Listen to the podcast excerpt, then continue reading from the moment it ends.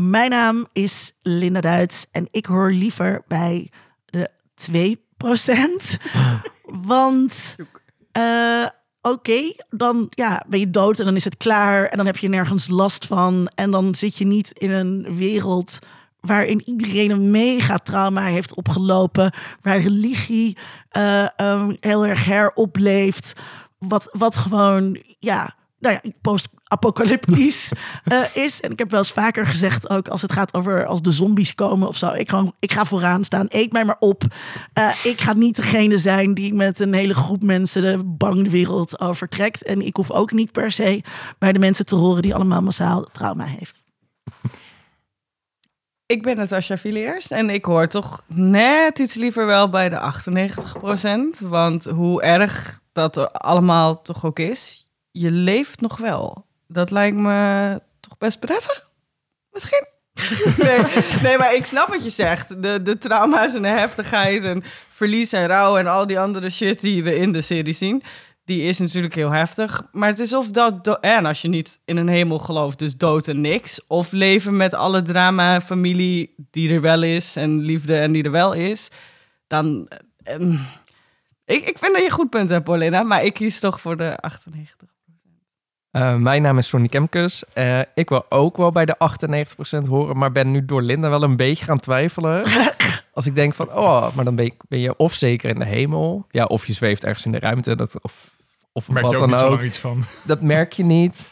Uh, nee, inderdaad. Ik, ik denk dat ik wel zou kunnen dealen met het verlies van, nou ja, je weet niet, ja, 2% is ook weer niet zo, zoveel mensen. Je, je kan ook ik. prima in ik Jargon ook heel. Jouw, Ja. jouw familie allemaal doodgaat. Ik denk zo van, waarom is iedereen zo verdrietig in deze serie? Het is maar 2%. Ik, als dit nu gemaakt zou zijn, zou ik denken dat er heel veel mensen zou, waren van...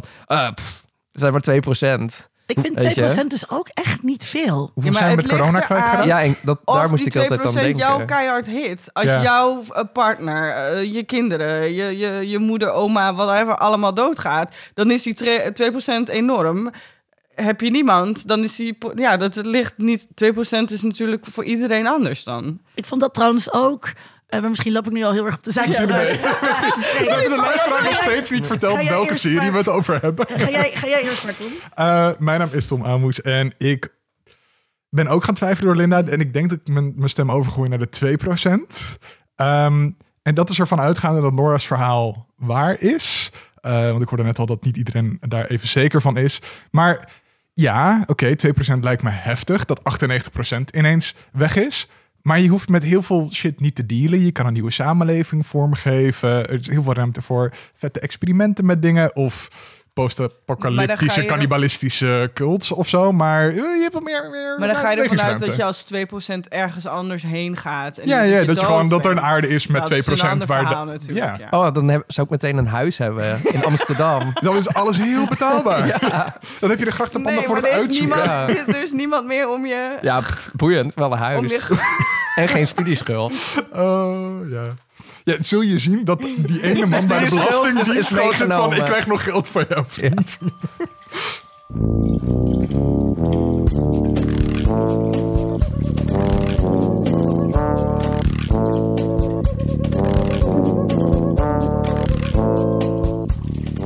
U hoorde ze al. Sonny Kempkes en Natasha Villiers zijn weer bij onze gast. Vrienden van de show, vaak eerder te gast geweest. En we gaan het met ze hebben over de leftovers. Heel leuk dat jullie er allebei weer zijn. Maar eerst natuurlijk... Oh nee. Een Eerst aankondiging. Een aankondiging. Ja, Wat, dat voor, heb ik- nou, wat voor aankondiging? wat een natuurlijke vraag die niet in het draaiboek staat, Linda. Ja, nee, zondagmiddag eh, om, op 26 maart hebben we een live opname. Ja. Om te vieren dat we vijf jaar bestaan. Vijf jaar geeky dingen. Ja, en daarom willen we met jullie, onze luisteraars, en met vaste gasten het gaan hebben over onze favoriete geeky dingen en wat nou precies geeky is. Want Ja. dat is een vraag die we niet vaak behandelen hier. Is wel eens langsgekomen, maar Ja, dus we vragen wel eens aan mensen, ben jij geeky? ja. Ehm, maar dan laten we altijd in het midden wat geeky nou precies is of zo. Het is een soort van zelfidentificatie die we dan, Ja. die we dan aannemen. Dus het leek ons eh, leuk toen we zaten te denken van wat kunnen we nou doen als we een live opname gaan maken. Om dus luisteraars te laten vertellen ehm, ja, wat hun favoriete geeky film of geeky serie of game of boek of nou ja, whatever is. Eh, en dan ook uitleggen wat ze er dan geeky aan vinden. En dan eh, kunnen wij daar een ter plaatse analyse overheen gooien. En dan rolt daar een antwoord uit wat we dan eigenlijk misschien onder geeky verstaan. Ja. En sowieso vinden we het leuk om ons luisteraars te ontmoeten. ja, dat is ook wel lang geleden dat we een live show hebben gedaan. Echt Heel lang geleden. Vier jaar geleden volgens mij. Ja, dus hartstikke leuk om jullie ook weer te gaan zien. Ja. Ehm, en jullie kunnen al je favoriete geeky dingen, media opgeven via Vriend van de Show. Ja. Dan kan je gewoon een berichtje achterlaten. eh hoef je niet voor te betalen. Eh, of onze mail, geekydingen.gmail.com. Of we hebben ook Twitter, Instagram kanaal. Het komt allemaal wel binnen. Ja, dat mag, Stuur ons daar, mag je het, daar mag je het allemaal op zetten. En ehm, het is dus in de Tolhuistuin in Amsterdam, vlakbij Centraal Station is dat. En ehm, eh, kaartverkoop start binnenkort en dan laten we, dat, eh, laten we dat ook weten. Yes, Komt allen. Ja, en dan nu? de terugblik. Sonny. Ehm, wat heb ik gezien? Eh, Babylon. Eh, de nieuwe Damien Chazelle film Oh ja. van La La Land en andere Whiplash. Eh, jeetje, waar moet je dan beginnen? een drieënhalf uur durend... Drieënhalf? Zo, zoiets. Drie uur en een kwartier, I don't know. Ja, het, het is echt, het is alsof ze het erom doen om Linda te pesten. Want Ja. alle films die uitkomen de laatste paar weken zijn verschrikkelijk lang. En dan ook nog zonder plaspauze. Ik vind dat is ook gewoon een vorm van vrouwenhaat. Ook, ook voor mannen is dat niet echt uit te houden. Dat, eh, Eh, Het gaat over Hollywood. eh, t- ja, jaren twintig, als ze net overgaan op geluid, begint het. Eh, Brad Pitt eh, en eh, Margot Robbie, eh, die echt heel goed zijn. Het is hysterisch, het is, het is, het is alles. Ehm, Was het een maar film? het, nou, er zitten, er zitten, ik heb het volgens mij een 7 gegeven. Heel veel mensen geven het een 10. Heel veel mensen geven het een 1. Eh, het, er zitten echt momenten in die echt 11 uit 10 zijn. Eh, er zit een feest in het begin, een soort coke-fueled chaos met een olifant en eh, mensen die allemaal neuken. En is het het weer is, een musical ook? Of? Het is geen musical. Oké. Eh, en ja, zij twee zijn heel goed. Een paar andere mensen zijn ook heel goed. Maar ja, op een gegeven moment, het laatste uur vond ik echt, of de laatste 40 minuten vond ik echt verschrikkelijk. Ehm, Maar dan ben je ook gewoon murm geslagen. ja, ja. Oh, en er zit er nog een, een soort sequentie in van de hele filmgeschiedenis. Eh, on acid. En, en, en ik kreeg bijna een epileptische aanval. Het is gewoon...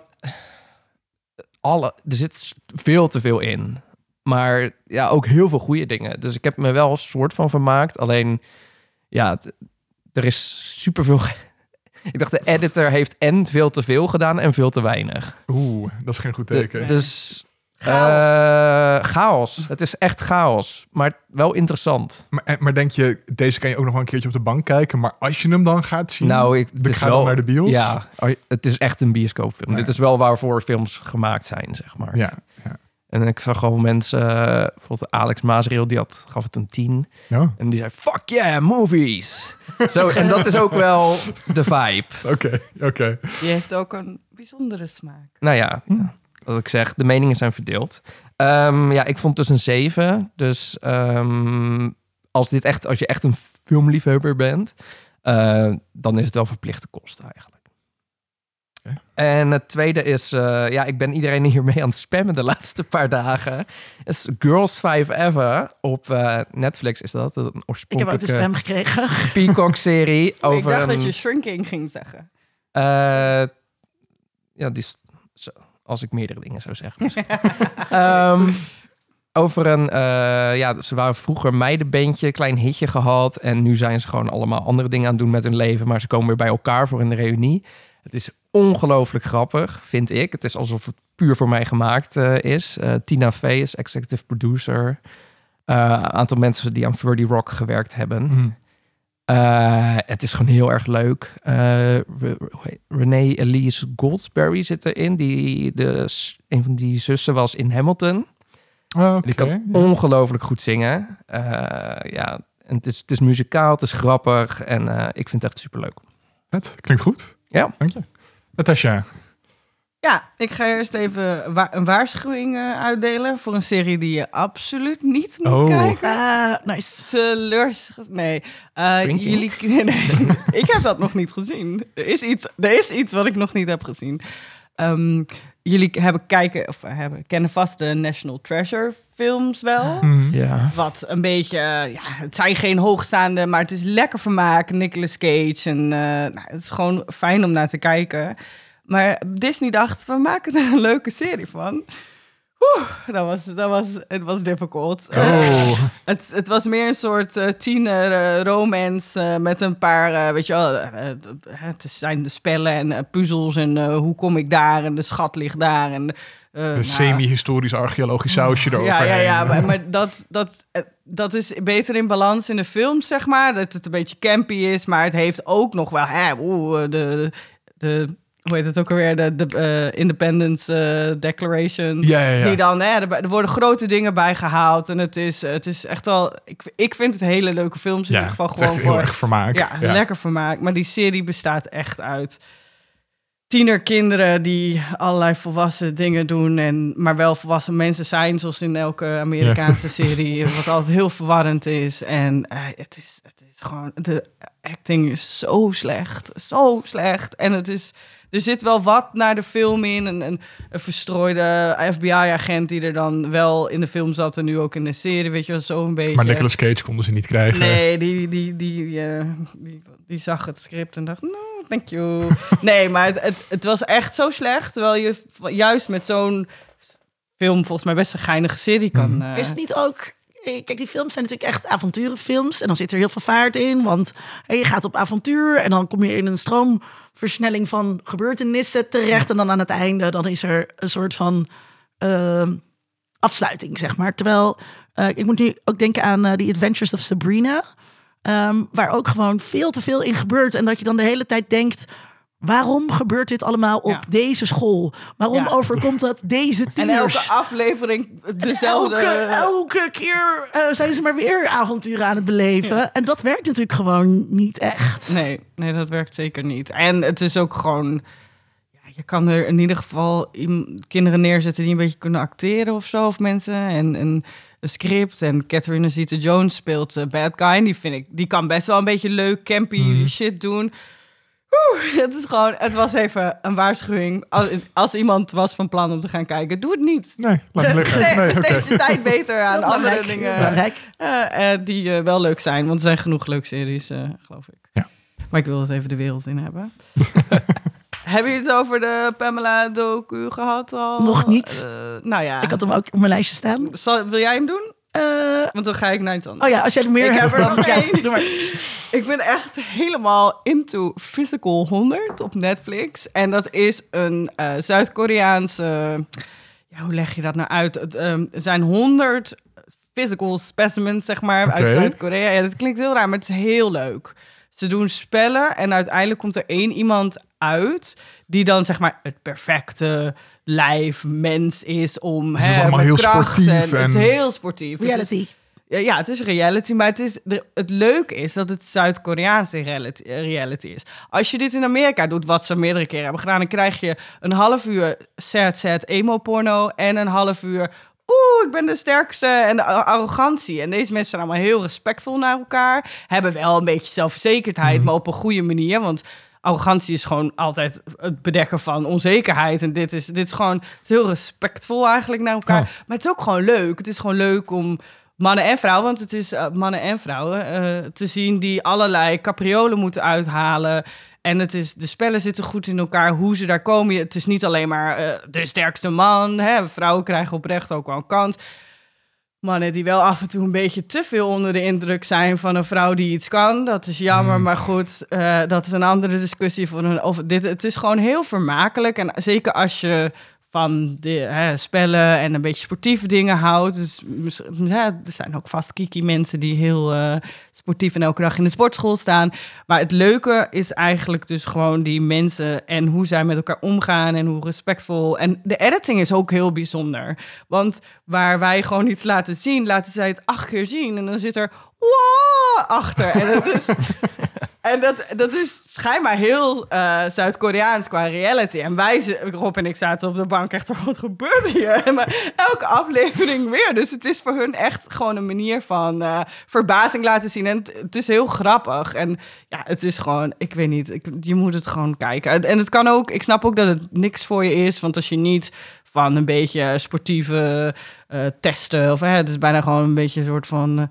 eh, Ehm, ja, spellen en eh, dat dat niet, dat kan niet voor je zijn, maar het is, het is ook echt een hit. Want iedereen eh, op de Twitters en de social media's heeft het er wel een beetje over. Dus eh, Maar ik heb altijd het idee bij Zuid-Koreaanse en Japanse reality dat dat een soort van trash talk ehm, reality is en dat mensen afgezekerd worden, maar dat is dus helemaal niet. nee, ze worden juist heel en ook juist de, de, de vrouwen die meedoen en heel ver komen worden echt als eh, helden. En, en het grappige is ook wel, de mensen die er aan meedoen zijn wel serieus. Er zitten Olympische eh, sporters in. Het Ah. zijn wel serieuze sporters. Het is niet soort, ik ben cool, ik sta in de sportschool dingen te doen. Rodelaars, ijsklimmen. Eh, het is echt van allerlei cheerleaders. Het is echt elke tak Oh, heeft wel iets. Want ja. iedereen kan dus iets op zijn eigen manier. Dus soms vallen hele stoere hè, mannen die echt dachten dat ze gingen winnen iets af. En soms gaan eh, eh, mensen door waarvan je denkt, hè, dan zie je een vrouwtje dat echt gewoon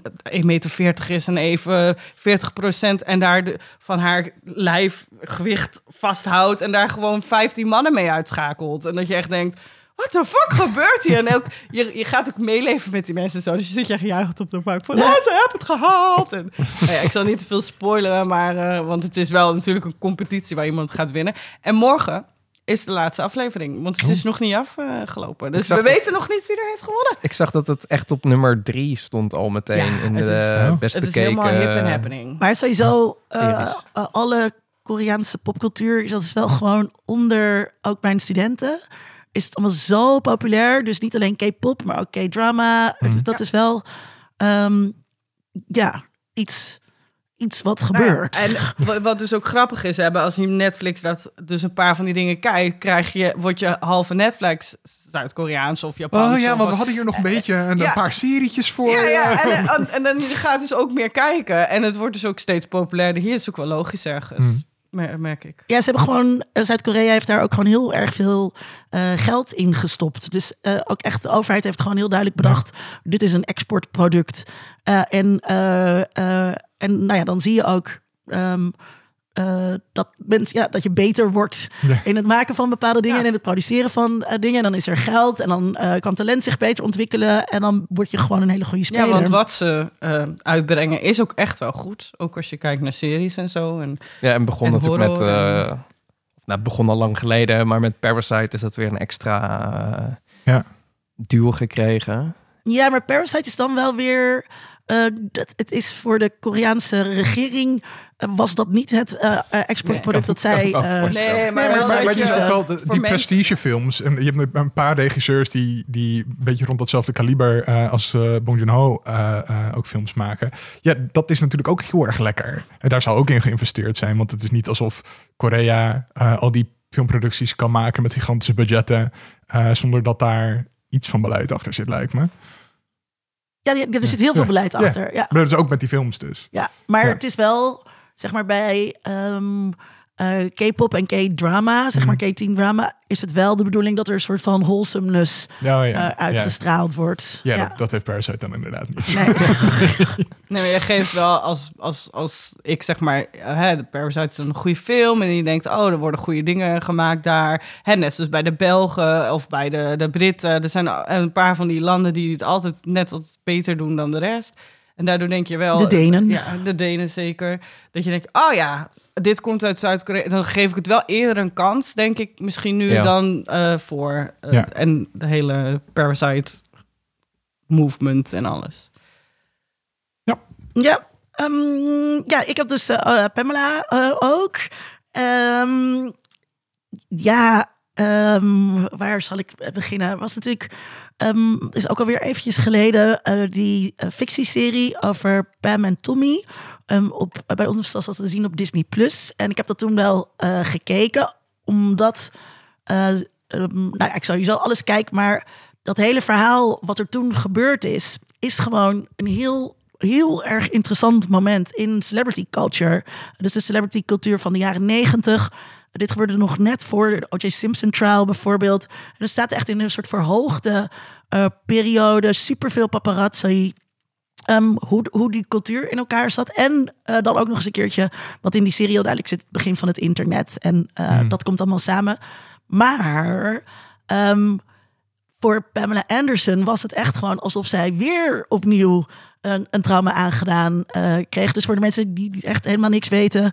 eh, eh, Pamela Anderson en Tommy Lee, waarmee ze na drie dagen, hem drie dagen te kennen is getrouwd, hadden tijdens hun huwelijksreis ook video's gemaakt. En beelden daarvan zijn gemonteerd tot een seksvideo. En die ehm, video's van hun zijn uit hun kluis gestolen. Dus gewoon gestolen materiaal. Niet eens eh, gelekt of gehackt. Of gewoon echt een fysieke video. fys- fysieke videobanden zijn gestolen uit een... Ja, en ook door, bij elkaar gezet dus. Dus Ja. ik dacht altijd dat het een sekstape was. Maar die tape is gewoon Ja. verschillende Iemand die dacht, ik ga hier een supercut van maken eh, voor publicatie. Ja. Fan, fan edit. Dus- De fan edit. En ehm, eh, dus toen was daar ook al een beetje gedoe over van... moet je dit eigenlijk wel kijken? Als Pamela Anderson er niet aan mee wilde werken... dat ze ook echt heel boos was eh, op, ehm, eh, de, op de makers. Seth Rogen, ja. vooral. Op Seth Rogen, die, die die serie heeft gemaakt. En nu is het een soort van, ja, haar verhaal. Nou, ik weet niet hoe het met jou zit, maar ik was... Ik, was, ik heb echt zitten huilen en ik was, ook woest. boos. Ik ja. huilen, alles Ja, en het gaat gewoon echt, echt over, over slutshaming. En hoe eh, ja, zij, zeg maar, aan het, eh, aan het eh, wensbeeld van heel veel mannen voldeed. Maar dat betekent wel dat je vervolgens echt een gevallen vrouw bent. En toen die sekstape naar buiten kwam... ehm, nou ja, naar buiten kwam, dat klinkt dan inderdaad heel eufemistisch. En toen was haar carrière gewoon klaar. Ze kwam gewoon nergens meer aan de bak. En eh, ze werd gewoon niet gehoord. Dus eh, ja, het materiaal was gestolen. En, en mensen lachten haar gewoon uit. Want als je één keer je lichaam aan Playboy hebt laten zien... is jouw lichaam niet meer van jou. Dat is echt absurd. Die consent, dat consentstuk in, in, in de koord, zeg maar, dat mensen niet begrepen van, oké, hè, Playboy is, dat heb ik zelf bepaald. Ik geef mijn lijf vrij. Mensen stelen iets van mij en eh eh, gooien dat zo op het internet. Ook en iets wat jij met je en partner dat, hebt gedaan. Ja. dat dat niet hetzelfde is. Nee, nee, je hebt je lijf op Playboy gegooid, dus we mogen nu Eens een hoer, altijd een hoer. Dat was Oh, echt het woest, idee. Woest. En ehm, ja, en dus, en dus ja, je ziet daar, eh, het was toen natuurlijk nog veel erger, maar heel veel van die dingen zijn nu nog steeds gewoon echt, echt het stigma. En het, het heftige is als zij, ehm dus is door haar twee zonen geloof ik gemaakt. Eh, die zie je haar ook de hele tijd interviewen. Eh, heel dichtbij kom je. Maar zij is dus aan het vertellen dat ja, eh, toen zij ontdekt werd en toen kreeg ze die aanbieding van Playboy. En zij had dus zelf helemaal geen slettenstigma. Dus zij ehm, eh, vond het gewoon leuk en nou, je hebt dat lijf en waarom ook niet. En zij deed er dus zelf helemaal niet moeilijk over. En dat is dus ook wat zij soort van in haar gezicht terug heeft gekregen. En dan zie je dus dat ze bij Jay Leno zat en zo. Die dan gewoon zei, ah ja, ik heb het ook in mijn nachtkastje liggen. En zij zegt gewoon, it's not funny. Nee. En iedereen vond het dus wel gewoon eh, funny. Ja, Iedereen werkt er ook aan mee in de media. Hè? Al die serieuze, leuke mannen waar iedereen altijd om moet lachen en zo. Het is zo naar. Je ziet haar ook gewoon elke keer onzeker zijn. En dan, ze wordt gewoon elke keer een stukje extra kapot gemaakt. Het is echt onder het mom van, ja, je, hè, sletterigheid. En het, ik vond het echt zo bijzonder. En dit voelde ook wel echt als een stukje voor haarzelf terugpakken of zo. Zeker. Van, eh, ik teken, ik, ehm, de regie weer terug of zo. Ja. En, en toch zie je ook dat het een. Ik vond het ook heel mooi dat je gewoon ziet wat voor soort vrouw het is. Want behalve eh, dat ze een beetje wild is, is ze heel lief en onzeker en. en, en grappig. ja, grappig. En, Ja. oh, ik vond het echt een heel bijzonder. eh, ik heb er echt al een paar dagen mee rondgelopen. Ja, ik ook. Ik Hebben, was... j- hebben jullie het idee dat we nu verder zijn? eh, nee. Nee. nee Nou, dat- eh, die cultuur van echt paparazzi en da- dat was wel echt op een ander en net het internet. En ik denk dat nu als je eh, een video van een seksvideo van iemand zomaar zou verkopen, Ze heeft nooit die rechtszaak nooit verloren. Hmm. Ze was zwanger en kon het niet meer aan en moest stoppen met die rechtszaak. Dus het is ook niet een soort van. eh, hè, eh, ze heeft nooit tegelijk gehad. Ik, ik gok. Ik kan me niet meer voorstellen dat je eh, in deze tijden weg zou komen met echt een. een een sekstape maken van iemand en dan ongestraft dat doen. Hè? Ze heeft er ook nooit een cent van gekregen. Ze hebben echt miljoenen aan verdiend. Nee, Eh, dat is, en, eh, degene die, die, eh, die dat ding gestolen heeft, die heeft er ook niks aan verdiend. Oh, Nee, alleen de, eh, de mensen die het zeg maar hebben, ge, hoe noemen we dat, de, distribute. Ja, de, dus de distributeur heeft er geld aan verdiend. Ehm, maar dus ook niet heel veel, want het waren de begindagen van het internet. Ja. Dus, dat, dus het werd eh, ontzettend, ge, hoe zeg je dat? Gepirate. boet- boet, eh, Ja. ja. Ehm, eh, dus eh, ja, er waren overal bootleg-exemplaren van die video. Dus ook gewoon VHS-banden die mensen uit de, uit, de, uit de achterbak van hun auto verkochten. Eh, en daar dan dus een beetje geld aan verdienen. Dus heel veel mensen hebben er een beetje geld aan verdiend. Maar ehm, eh, het is dus ook niet dat die dief er heel rijk mee eh, is geworden. Ja, het was, het was echt een ding. En eh, ja, ik, ik denk nog steeds dat wel het beeld is eh, van de gevallen vrouw, zeg maar. Dat, ehm, eh, en dat je, dat je niet moet komen klagen. Dat als je dus één keer ehm, naakt geposeerd hebt, dat, dan, dat je dan een soort van de zeggenschap over je lichaam eh, kwijt bent. Ehm, ook als je kijkt naar hoe er naar sekswerkers wordt gekeken, bijvoorbeeld. Ik ging toen daarna ging ik echt meisjes in de jungle kijken. en Lekker eh, bruggetje. Eh, ja, ja, dat was verder niet een tip, maar dat, dat ehm, dan zie je dus ook dat die makers eh, ook deze meiden eh, willen uitbuiten en eigenlijk te kakken willen zetten. En die meiden, they're not having it. Dit zijn allemaal queens, I love them. Ehm, en die proberen dus ook een stukje, zeg maar. ehm, eh, van, van hun eigen leven en hun identiteit te ownen. En, ze dus, en zich dus niet in dat kader te laten duwen. Dus ze leveren de content die de makers, van, die de makers willen hebben. Hè? Dus eh, ze doen eh, lekker moeilijk en ze vallen nog eens om. En ze praten over hun nagels. Hè? Weet je, van dat is wat je een beetje wil zien. Ehm, maar ondertussen zijn ze heel unapologetic in hoe ze van seks houden, bijvoorbeeld. En eh, degene die daar dus heel slecht uitkomt, die er uiteindelijk heel, echt heel lelijk bij staat, is Valerio Zeno. Die, ik weet niet waar ze die vandaan getrokken eh, Waarom hebben. is die weer terug? Ja, snap ik ook niet. Maar in de categorie middelmatige hetero-mannen. En hij staat daar in zijn knullige broek. En dat je echt denkt... En dan staat hij dus, probeert hij dus een beetje schamper te doen over, over die, die dames. En dat lukt dus niet. Want, ehm, dus dat is er dus wel misschien eh, veranderd. Ja, dat, want je ziet in die Pam ook eh, wel dat Pamela Anderson ook echt wel meegaat in dingen. En ze laat zichzelf... Hè, ze- het is ook niet er allemaal daarna dingen... Is niet, is, alles is haar overkomen of zo. Ze heeft ook wel keuzes gemaakt door dan maar mee te gaan. En natuurlijk wordt dat, die keuze deels voor je gemaakt... omdat je anders echt geen carrière meer hebt. Maar ja, dat is toch wel...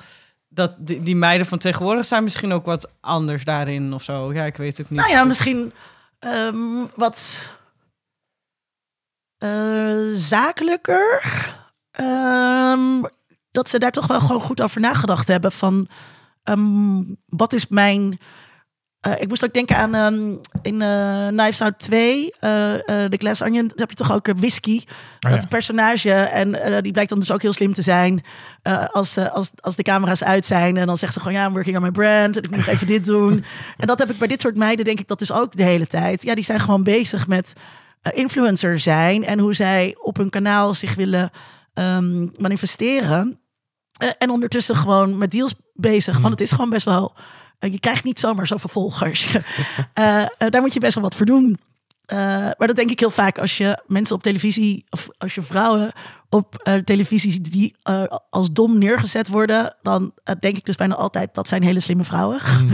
Eh, net als Paris Hilton en zo. Weet je, dat, dat, ja, dat weet je gewoon dat het achter zit. Denk jij dat het anders is, dat het nu beter is?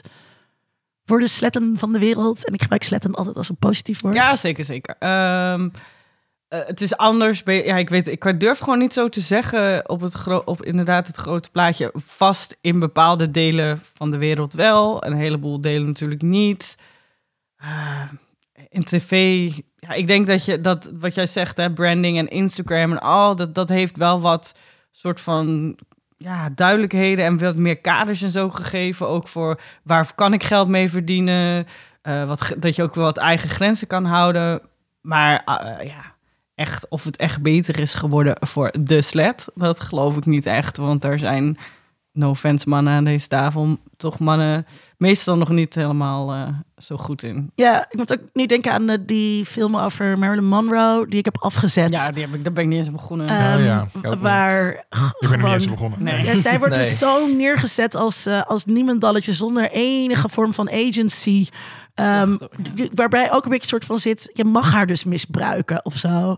En eh, ja, dat is een heel recente want, eh, film. Ja, Ja. Ze is toch zo seksueel, ja. Wat ik trouwens ook heel tof vond aan eh, Pamela Anderson, om haar dus zo te leren kennen, is dat ze niemand de schuld geeft. Ze, eh, ze, Je had ook boos en bitter kunnen worden. ja, Maar ze kiest heel bewoos. ze is bewust, lief en grappig, ja. Om, om, en ik denk ook dat dat een mechanisme is wat... hey, wat leuk. Een bruggetje naar deze serie is...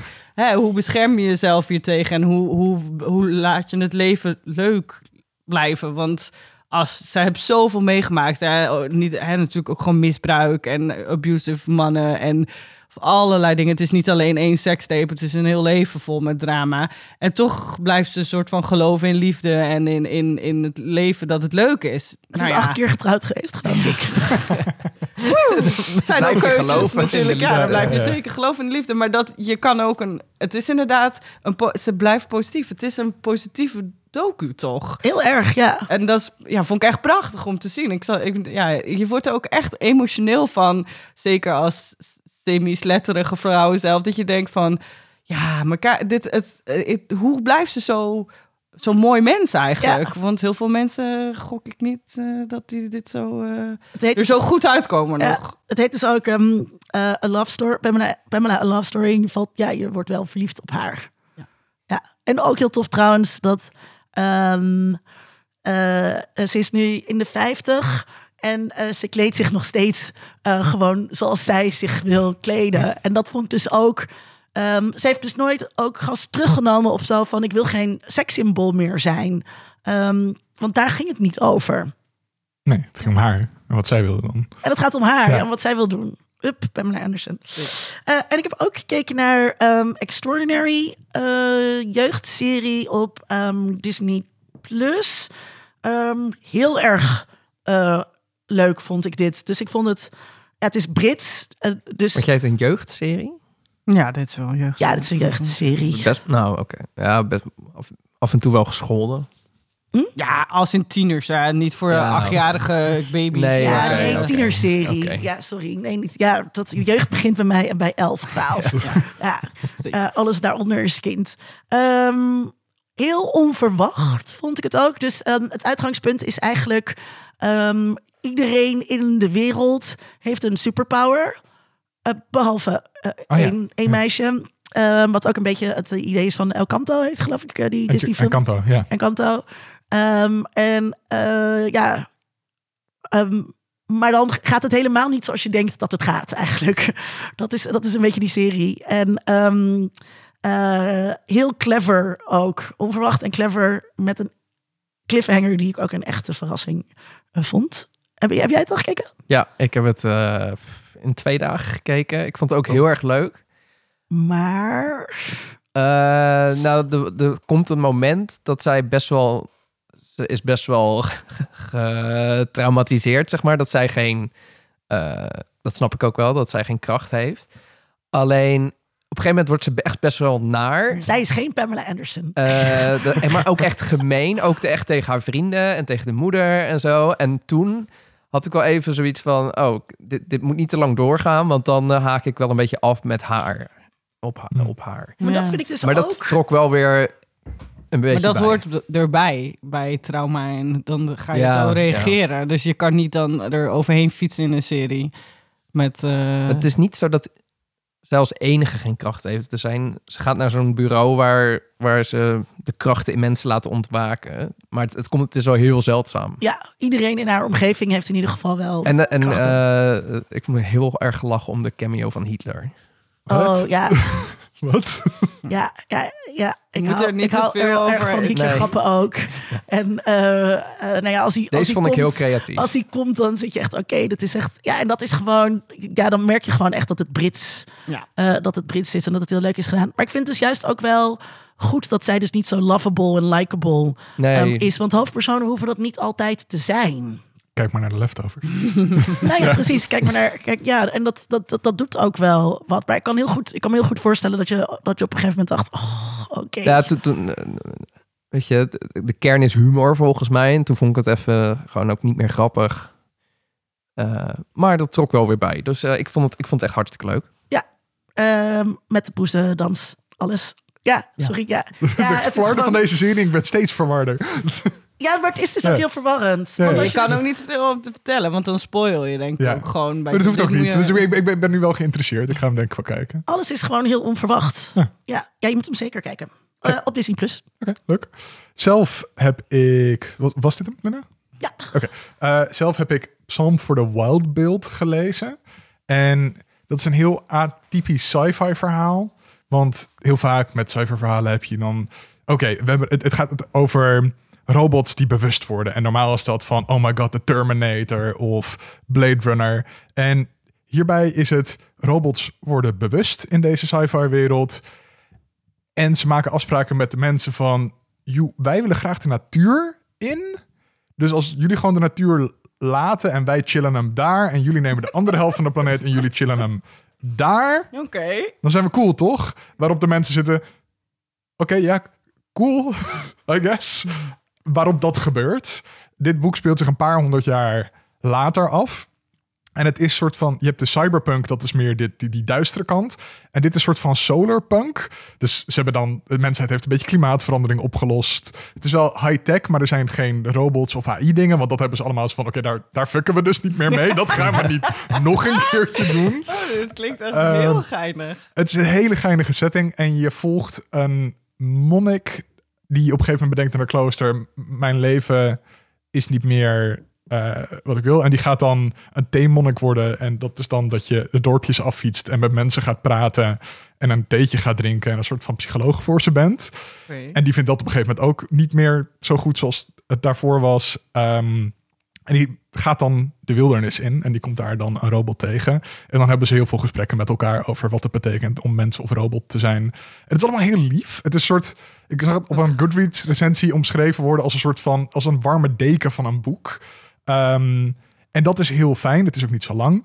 Maar het is ook wel goed dat het niet te lang is. Want op een gegeven moment is die deken ook wel eens van... Oké, ja, nou, nou ben ik er wel een beetje meer klaar. Ik Wordt ga ook een beetje verstikkend. an- Ja, Wordt verstikkend Ja. knus. Ja het, het is heel lief. Het, het, het is bijna agressief lief. ja. Zeg nog een keer de titel. Eh, Psalm for the Wild Build. Eh, en de schrijver is Becky Chambers. Eh, en dit is het eerste boek van de serie. En ik wil de rest ook nog gaan lezen, maar eerst even weer wat hardere sci-fi tussendoor. Om even te detoxen van deze liefheid. Maar blijft het, weet je of het lief blijft? Want ik kan me ook Ja, voorstellen. ik, het- ik- volgens mij gaat dit echt niet veranderen. Er zit niks dreigends in dit hele Nee. ding. Gewoon niks van. En dan, dan komt er straks een conflict tussen. Nee, het is gewoon die robot die komt haar tegen in dat bos. Wat eigenlijk nog wel van de mensen is, omdat hij zit van. Nou, ik was gewoon benieuwd naar hoe het met de mensen ging, dus ik was langsgekomen. het is allemaal zo heel koddig. Het is echt, ja, klinkt echt heel Klinkt grappig. Japans. Ik, snap ik, maar dat is het dus niet. Het is van een Britse schrijver. Maar het heeft wel een beetje, ja, ook de cover is wel een beetje Japanse geïllustreerd. Dat soort van. Het, het is een beetje Ghibli-achtig. Ja. Ja, eh, ja, dat kon ik wel waarderen. Dat is heel fijn. Eh, en ook heb ik Wakanda Forever gekeken. Kan er kort over zijn. Vond ik niet zo best. Oké, ja, en dat vond ik echt jammer. Ik vond Black Panther echt een van de betere Marvel films. En dit is een film die zoekende is. Die heel veel tegelijkertijd probeert te zijn. Een ode aan Chadwick Boseman. Een typische Marvel film. Eh, hetzelfde als wat Black Panther voor een soort van zwarte cultuur in Amerika wilde doen. En dat doet alle drie moi. ja. Ik herinner me Ja. dat jij, Sonny, ehm, toen daar de première was geweest... en dat je ongeveer hetzelfde zei. Ik zei precies hetzelfde. Ja. Ja. ja. Ja. ja. gewoon een, een, een puinhoop een beetje. Met wel ook goede stingen, maar Ja. ook nou, ja, jammer. Ja. En dat, dat gewicht van Chadwick Boseman, dat, dat, dat Maar had hing er gewoon heel ooit erg... een goede, echt een goede op zonder die man een goede Nee, film ik, ik zei zijn? toen volgens mij, ze hadden of eh, hem niet moeten uitbrengen. Eh, of ze hadden eh, twee jaar moeten wachten. Zodat dat minder zwaar is. Want het was ook Ja. heel zwaar. Ik, had, eh, ik Ja. heb hem gezien in eh, New Orleans in de bioscoop met allemaal zwarte mensen. En die vonden het fantastisch. En die moesten lachen Mm. om dingen waar ik dus niet om moest lachen. Eh, dus eh, ja, ik heb het ook aan een vriend. Ik ben gewoon ook denk ik te wit voor deze film. Mm. Deze film is niet voor mij. Ja, dat kan ook. Hè. Dat Ja, film prima. Voor, voor ons is. Maar Ja. dan kan je nog wel zien, vind ik, stiekem of een film goed is. Maar je- we hoeven niet altijd goede dingen leuk te Maar ik vond- vinden of nee. slechte dingen niet leuk te vinden. Weet je, ik, we- volgens mij zijn we allemaal trash-kijkers. En als Ja. het je dan hè, eh, toch van je cultuur is of weet ik veel wat, denk je, ja, boeien dat dit slecht is. Ik vermaak me nog steeds. Maar Ja. ik vond Black Panther was ook niet voor mij dan. Nee, dat vond ik ook maar niet dat vond ik, wel, vond ik wel goed. Ja, en ik, ik zag Dus- hier ook wel, er zaten echt wel goede dingen in. Maar echt met die eh Namor, die villain. Dat heb moet een soort van onderwaterwereld zijn waar ze dan inkomen. Die moet heel machtig mooi zijn. Het ziet er tergend saai uit. Maar Ja. alles is heel lelijk in beeld gebracht. Terwijl die, eerste er Black Panther film super kleurrijk beschaving met was. superpowers. En dat die Namor heet. En dat het dan betekent, ik heb niet lief, ne amour. Ja, Ugh. Ik ben het gewoon ook sassy. eh, no offense, eh, superhero movies. Ik ben echt een beetje klaar mee. Want je Ik hebt begin nu er ook echt moe van te worden. Anti-heroes hebben we nu ook allemaal gehad. Ja. Met The Boys en al die andere suffen. Daarom was ik... De, ik vond Extraordinary wel geinig. Maar ik ben gewoon een beetje moe. Het was ook niet... Ik, ik denk als ik dat drie jaar geleden had gezien... had ik het echt heel leuk gevonden. Hmm. Nu dacht ik... ah, iemand heeft geen powers. Wat zielig. Ik ga wat anders doen. Ja, Nou weet je wel? Dus dat, dat, dat, die moeheid... Maar eh, volgens mij ben ik niet de enige. En eh, Dan Hester Forrest eh, eh, zei jaren geleden al... wij gaan het niet meer meemaken... eh, dat er een jaar geen superheldenfilm uitkomt. Zover is die franchise dus een beetje al vooruit. Ja, ook je kan gewoon kiezen om ze niet te kijken, hè, jongens. Dat kunnen we gewoon en, en, ik zie het ook Dat wel gewoon. Je had, je had in de jaren 50 volgens mij dat er gewoon constant cowboyfilms uitkwamen. En op een gegeven moment was dat gewoon Maar klaar. Omdat tijd iedereen is gewoon echt ja, zat van tief op met je fucking cowboys. En dat, dat gaat hier ook mee gebeuren. Dit kan niet Nou ja, eeuwig zo doorgaan, zit toch? alleen in dat hier veel te veel geld mee verdiend Ja, ook met wordt. die cowboyfilms destijds natuurlijk. Ja, maar uiteindelijk, nee. Nee, want er Nee, zit wat, is wat ze natuurlijk. Eh, waarom, waarom die films zo. ehm, dus eh, eh, studio's willen geen risico's meer nemen Nee. voor in Nee, de dat is bioscoop. Dus is er alleen nog maar dit. Dus als je naar de bioscoop wil, moet je naar dit. En op een gegeven moment ben je dan invested in zo'n eh, extended universe. Dat je dus ook wil blijven gaan. Want het heeft gewoon een heel erg soapy eh, Ja. eh, ehm, eh, karakter. En wat je dus ziet, wat ze natuurlijk nu ook bij Star Wars proberen te doen, is dat ehm, eh, je het steeds zo opzet dat ook weer een nieuwe generatie daarin kan stappen. Maar dan zou ik Maar- dus willen dat ze binnen Marvel net zo experimenteren als bijvoorbeeld eh, Andor binnen Star Wars was. Want Andor was gewoon... Ja, weet je hoe lang het heeft geduurd? Ja, maar weet je hoe lang het heeft geduurd voordat we daar waren? Ja, en God. dan kunnen jullie Star Wars hippies nog steeds zeggen dat het een, het is een best een aardige serie. Nou, maar en dat meer was is het niet. goed. Nee, dat is omdat jullie Star Wars lovers zijn. Maar bijvoorbeeld is She-Hulk. er zitten drie goede afleveringen in. Maar Nou. dus bijvoorbeeld She-Hulk, waar dus wel risico's genomen Ja, worden. dat is waar ze wel echt aan het experimenteren zijn. Het is natuurlijk gewoon heel veelzeggend dat dat op televisie mag. Maar heel veel mannen vonden dat heel stom. Want, Maar- Ja. oh my god. Het is Nee, niet goed. helemaal waar dat... dat, dat want eh, Marvel fase 3 was, was... Dat was echt absurd veel geld heeft dat opgebracht. Maar ik las al artikelen over van... Is, is fase 4 aan het mislukken? Nou, omdat het minder geld Ja. opbrengt. En nog Ja. steeds veel Nog steeds geld. veel geld, maar ja... En misschien gaan zij de dan ook eens... die Ook eens hebben opgebracht. nee, maar dan gaan zij misschien ook eens nadenken... als het steeds minder succesvol wordt. Volgens mij Ant-Man, dat loopt ook niet zo goed nog. Jawel, 100 miljoen eh, dat was, het best, dat was de beste Ant-Man van de drie tot nu toe. Ja, maar dat zegt iets Ja, maar de dat waren al de minste. Nee, nee, maar, maar goed, dan, dan Ja, gaat het dan dus het niet minder. slechter per Nee. se. Nee. Nee, en, ze, en ze bouwen gewoon Misschien is het een soort zo'n- Ja, het is Meer hoop die ik heb. Misschien hoop moeten ze eens gaan reflecteren op... wat zijn we aan het doen? Misschien moeten we meer Dat creativiteit... is echt alleen maar... Dat is echt Maar hoop. ja, Avatar heeft dat ook bewezen. Stem Dat met moet je hoeft niet creatief eh, te zijn. Nou ja, nee. ik bedoel, het is qua Of we zeggen dat, stem met je portemonnee en ga niet dan dus naar die films. Ja, ik vond de Maar de lezers gaan pieuw verschrikkelijk. pieuw. Dus ik wil. Ja, ja dan eh, mag je ook niet klagen. Nee, fair.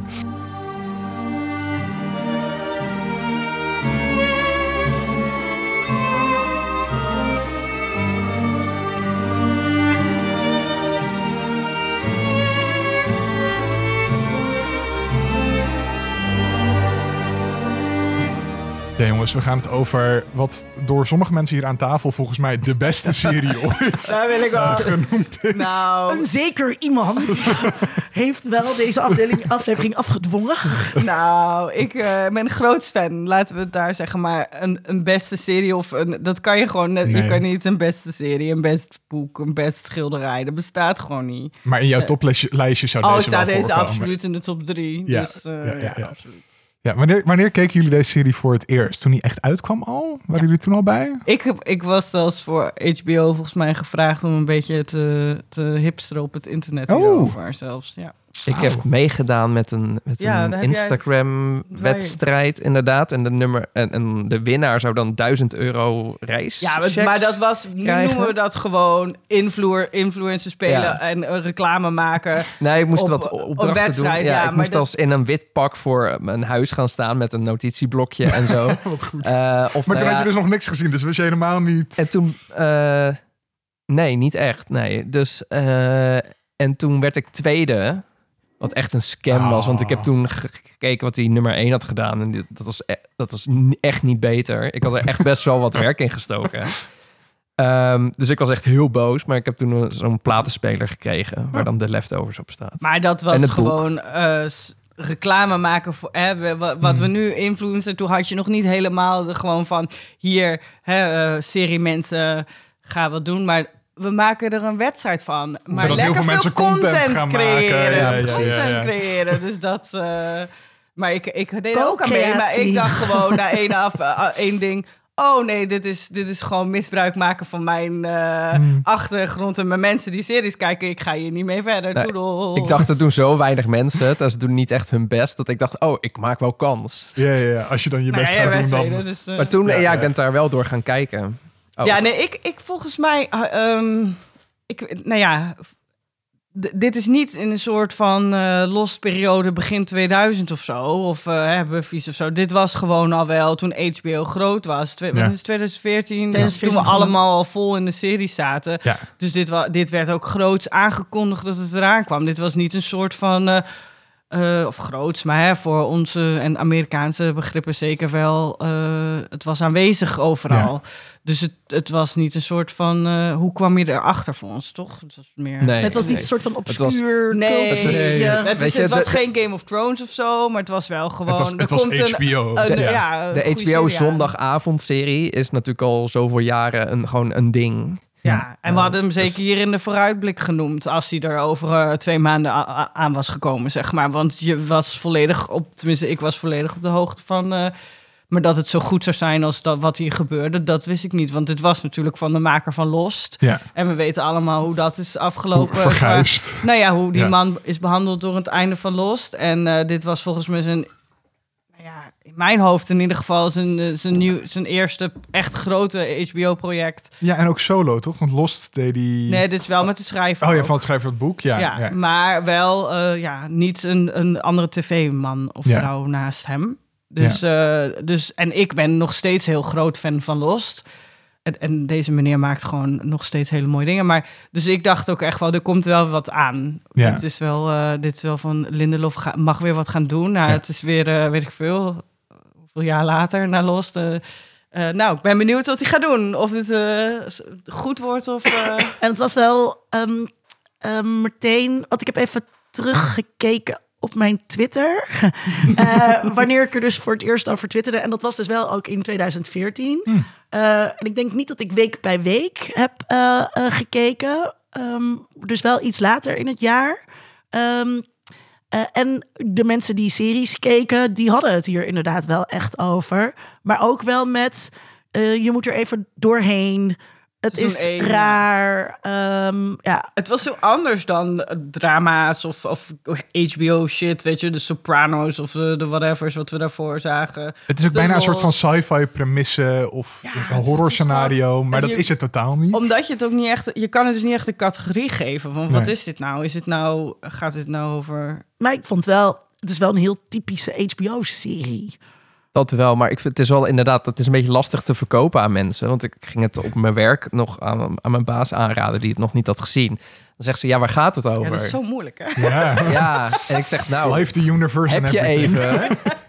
Dus ja, Verlies, Maar oh, oh, want dat heb ik ook bij twee mensen gedaan. Die zeiden eh, alle twee: waarom kijk je hier naar? Waarom zou je jezelf dit aandoen? Mm. Dit klinkt helemaal niet leuk. Nee, maar het is Oh, ook grappig. echt helemaal niet het is leuk. ook echt niet leuk. Ik vond het ook echt. Het is heel goed. Ja. Het is geen vermakelijke serie. Ik had het er heel, heel zwaar mee. Ik oh, ook. en ik moest zeggen, ik ehm, eh, weet dus, ik wist echt niet meer zeker. Ik wist sowieso niks meer.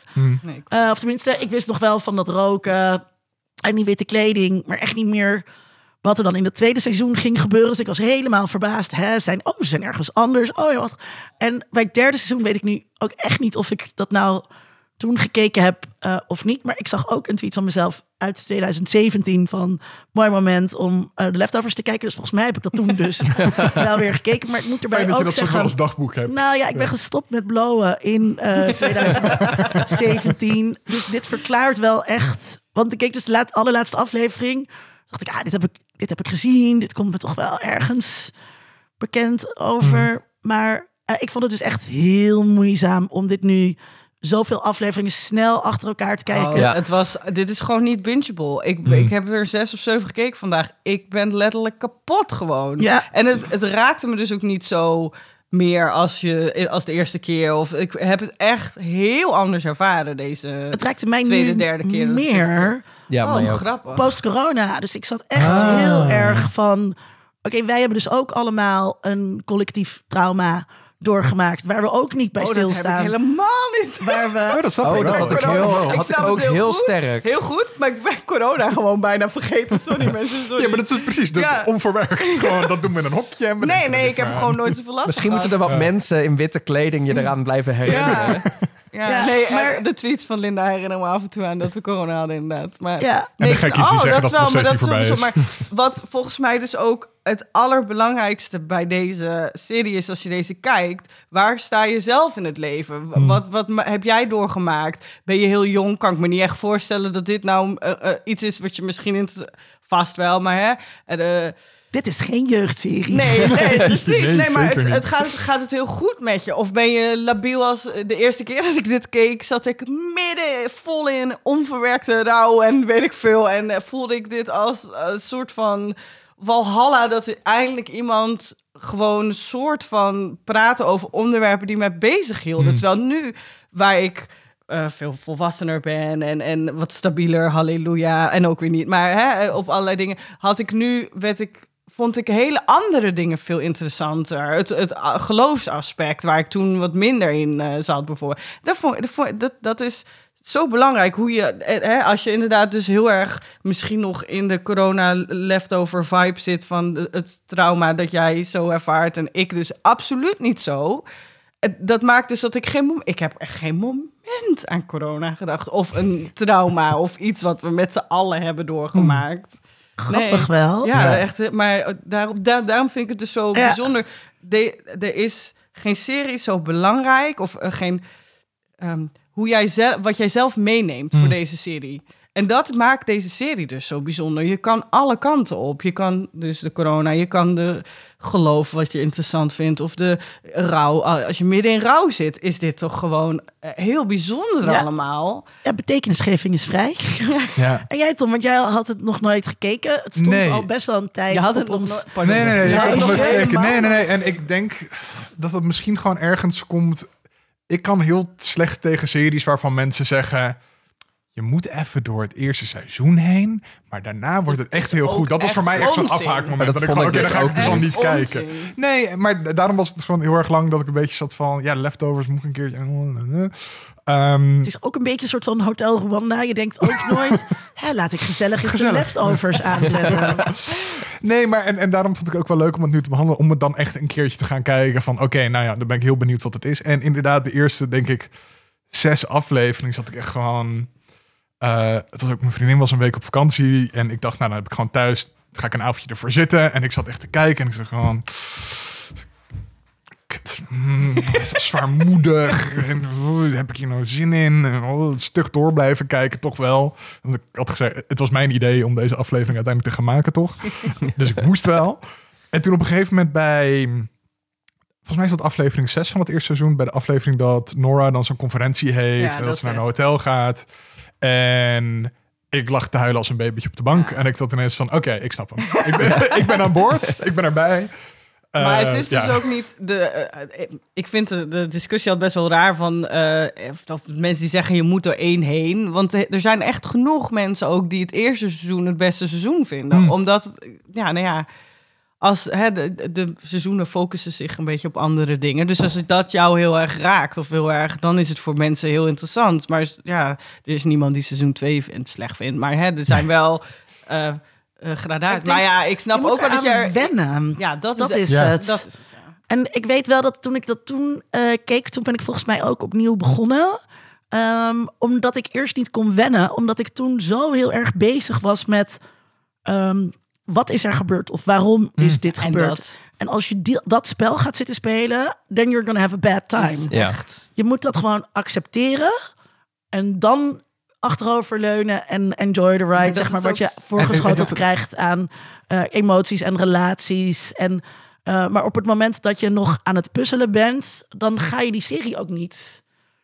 Dan zit je op een ander, ander ja, je zit op, een- op het verkeerd spoor Maar te dat kijken. is natuurlijk wel een beetje de premise die in de eerste afleveringen erin komt. Een soort van, wat is er nou gebeurd met die mensen, weet je wel? Dus ik snap ook wel als je die vraag...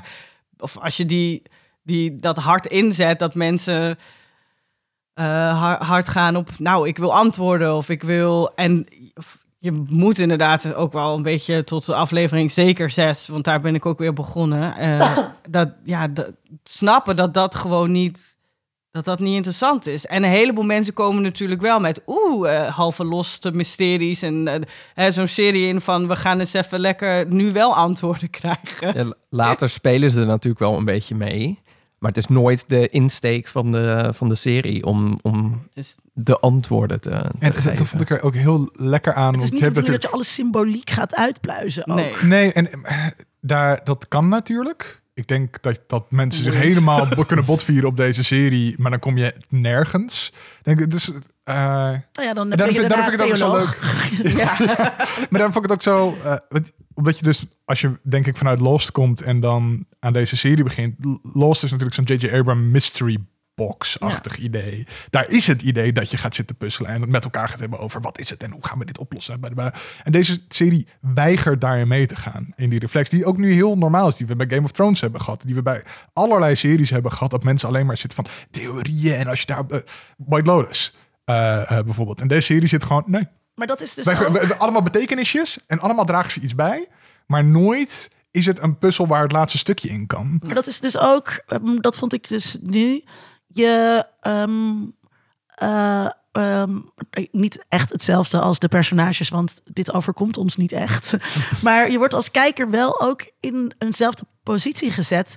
Er is no rhyme or reason eh, eh, eh, in wat er, wat er is gebeurd. Dus je kunt het accepteren, of je kunt ook inderdaad een, een religious zealot worden, of ehm, eh, je helemaal kapot draaien in statistische analyses Ja. en de meest onzinnige variabelen proberen te gaan zoeken naar patronen in die data. Ehm, eh, want dat is een copingmechanisme van mensen. En dat kan je dus ook als kijker als copingmechanisme hebben. Daar gaat het natuurlijk uiteindelijk allemaal om. Hoe gaan die mensen, hoe kopen die mensen Ja, eh, als er 2% voetzie is? Weet je wel? Dus dan, ja. Dat is, dat is dus, het is niet de vraag wat is er met die eh, mensen gebeurd. Het is meer de, de, de, de- hoe, hoe ga je ermee om dat het is gebeurd? En, da, en ik snap wel dat in het begin snap je dat niet. Daarom moet je eraan wennen. ja. En dan, ja. En ik zat dus ook, eh, die eerste keer was ik veel te veel bezig met eh, de guilty remnant proberen uit te vogelen. Want waar staan ze nou precies voor? En daar trapte ik nu ook wel weer een beetje in. Ja, Maar ik ook. Dat ik dat, Ik ook, dat, ik dat ja. wil, wou gaan opzoeken eh, en zo. En waar, wat is nou de betekenis van het roken? En toen was ik op de, op de, op de website van de Guilty Remnant, wat neerge- neergezet is als een soort van, eh, kom bij onze secte. Ehm, eh, ook heel erg eh, oud internet eh, stijl. Toen dacht ik, wat zit ik hier nou te doen? Want deze secte bestaat niet. Eh, Het is gewoon, ik moet gewoon accepteren dat, dat dit het is. Ik vond het ook heel grappig dat ze inderdaad zeggen van... Op een gegeven moment van... Oh, als, ze- als zij haar boek eh, heeft geschreven... dan is gewoon, What's up with the smoking? Of van... eh, they just started one day. Eh, Ja. Dat is het. Klaar. Ja. Ja, ze zeggen ergens. Ja, ik, eh, ik zat don't hem waste inderdaad... your Ik, zat ook al van...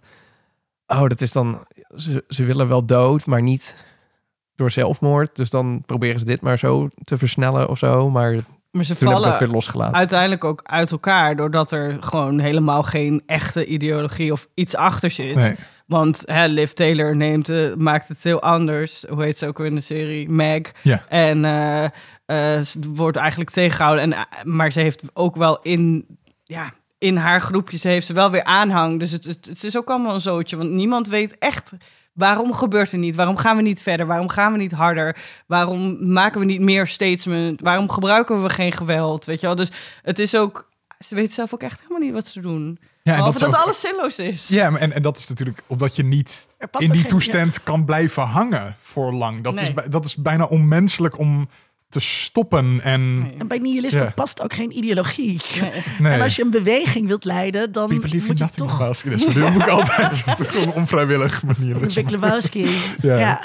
dat... dat ehm, eh, en ik had nu wel eh, meer ehm, begrip voor ehm, de, de guilty remnant. Ja? Waar, waar lag dat aan? Ehm, ja, dat als je zo ehm eh, zoveel verdriet hebt,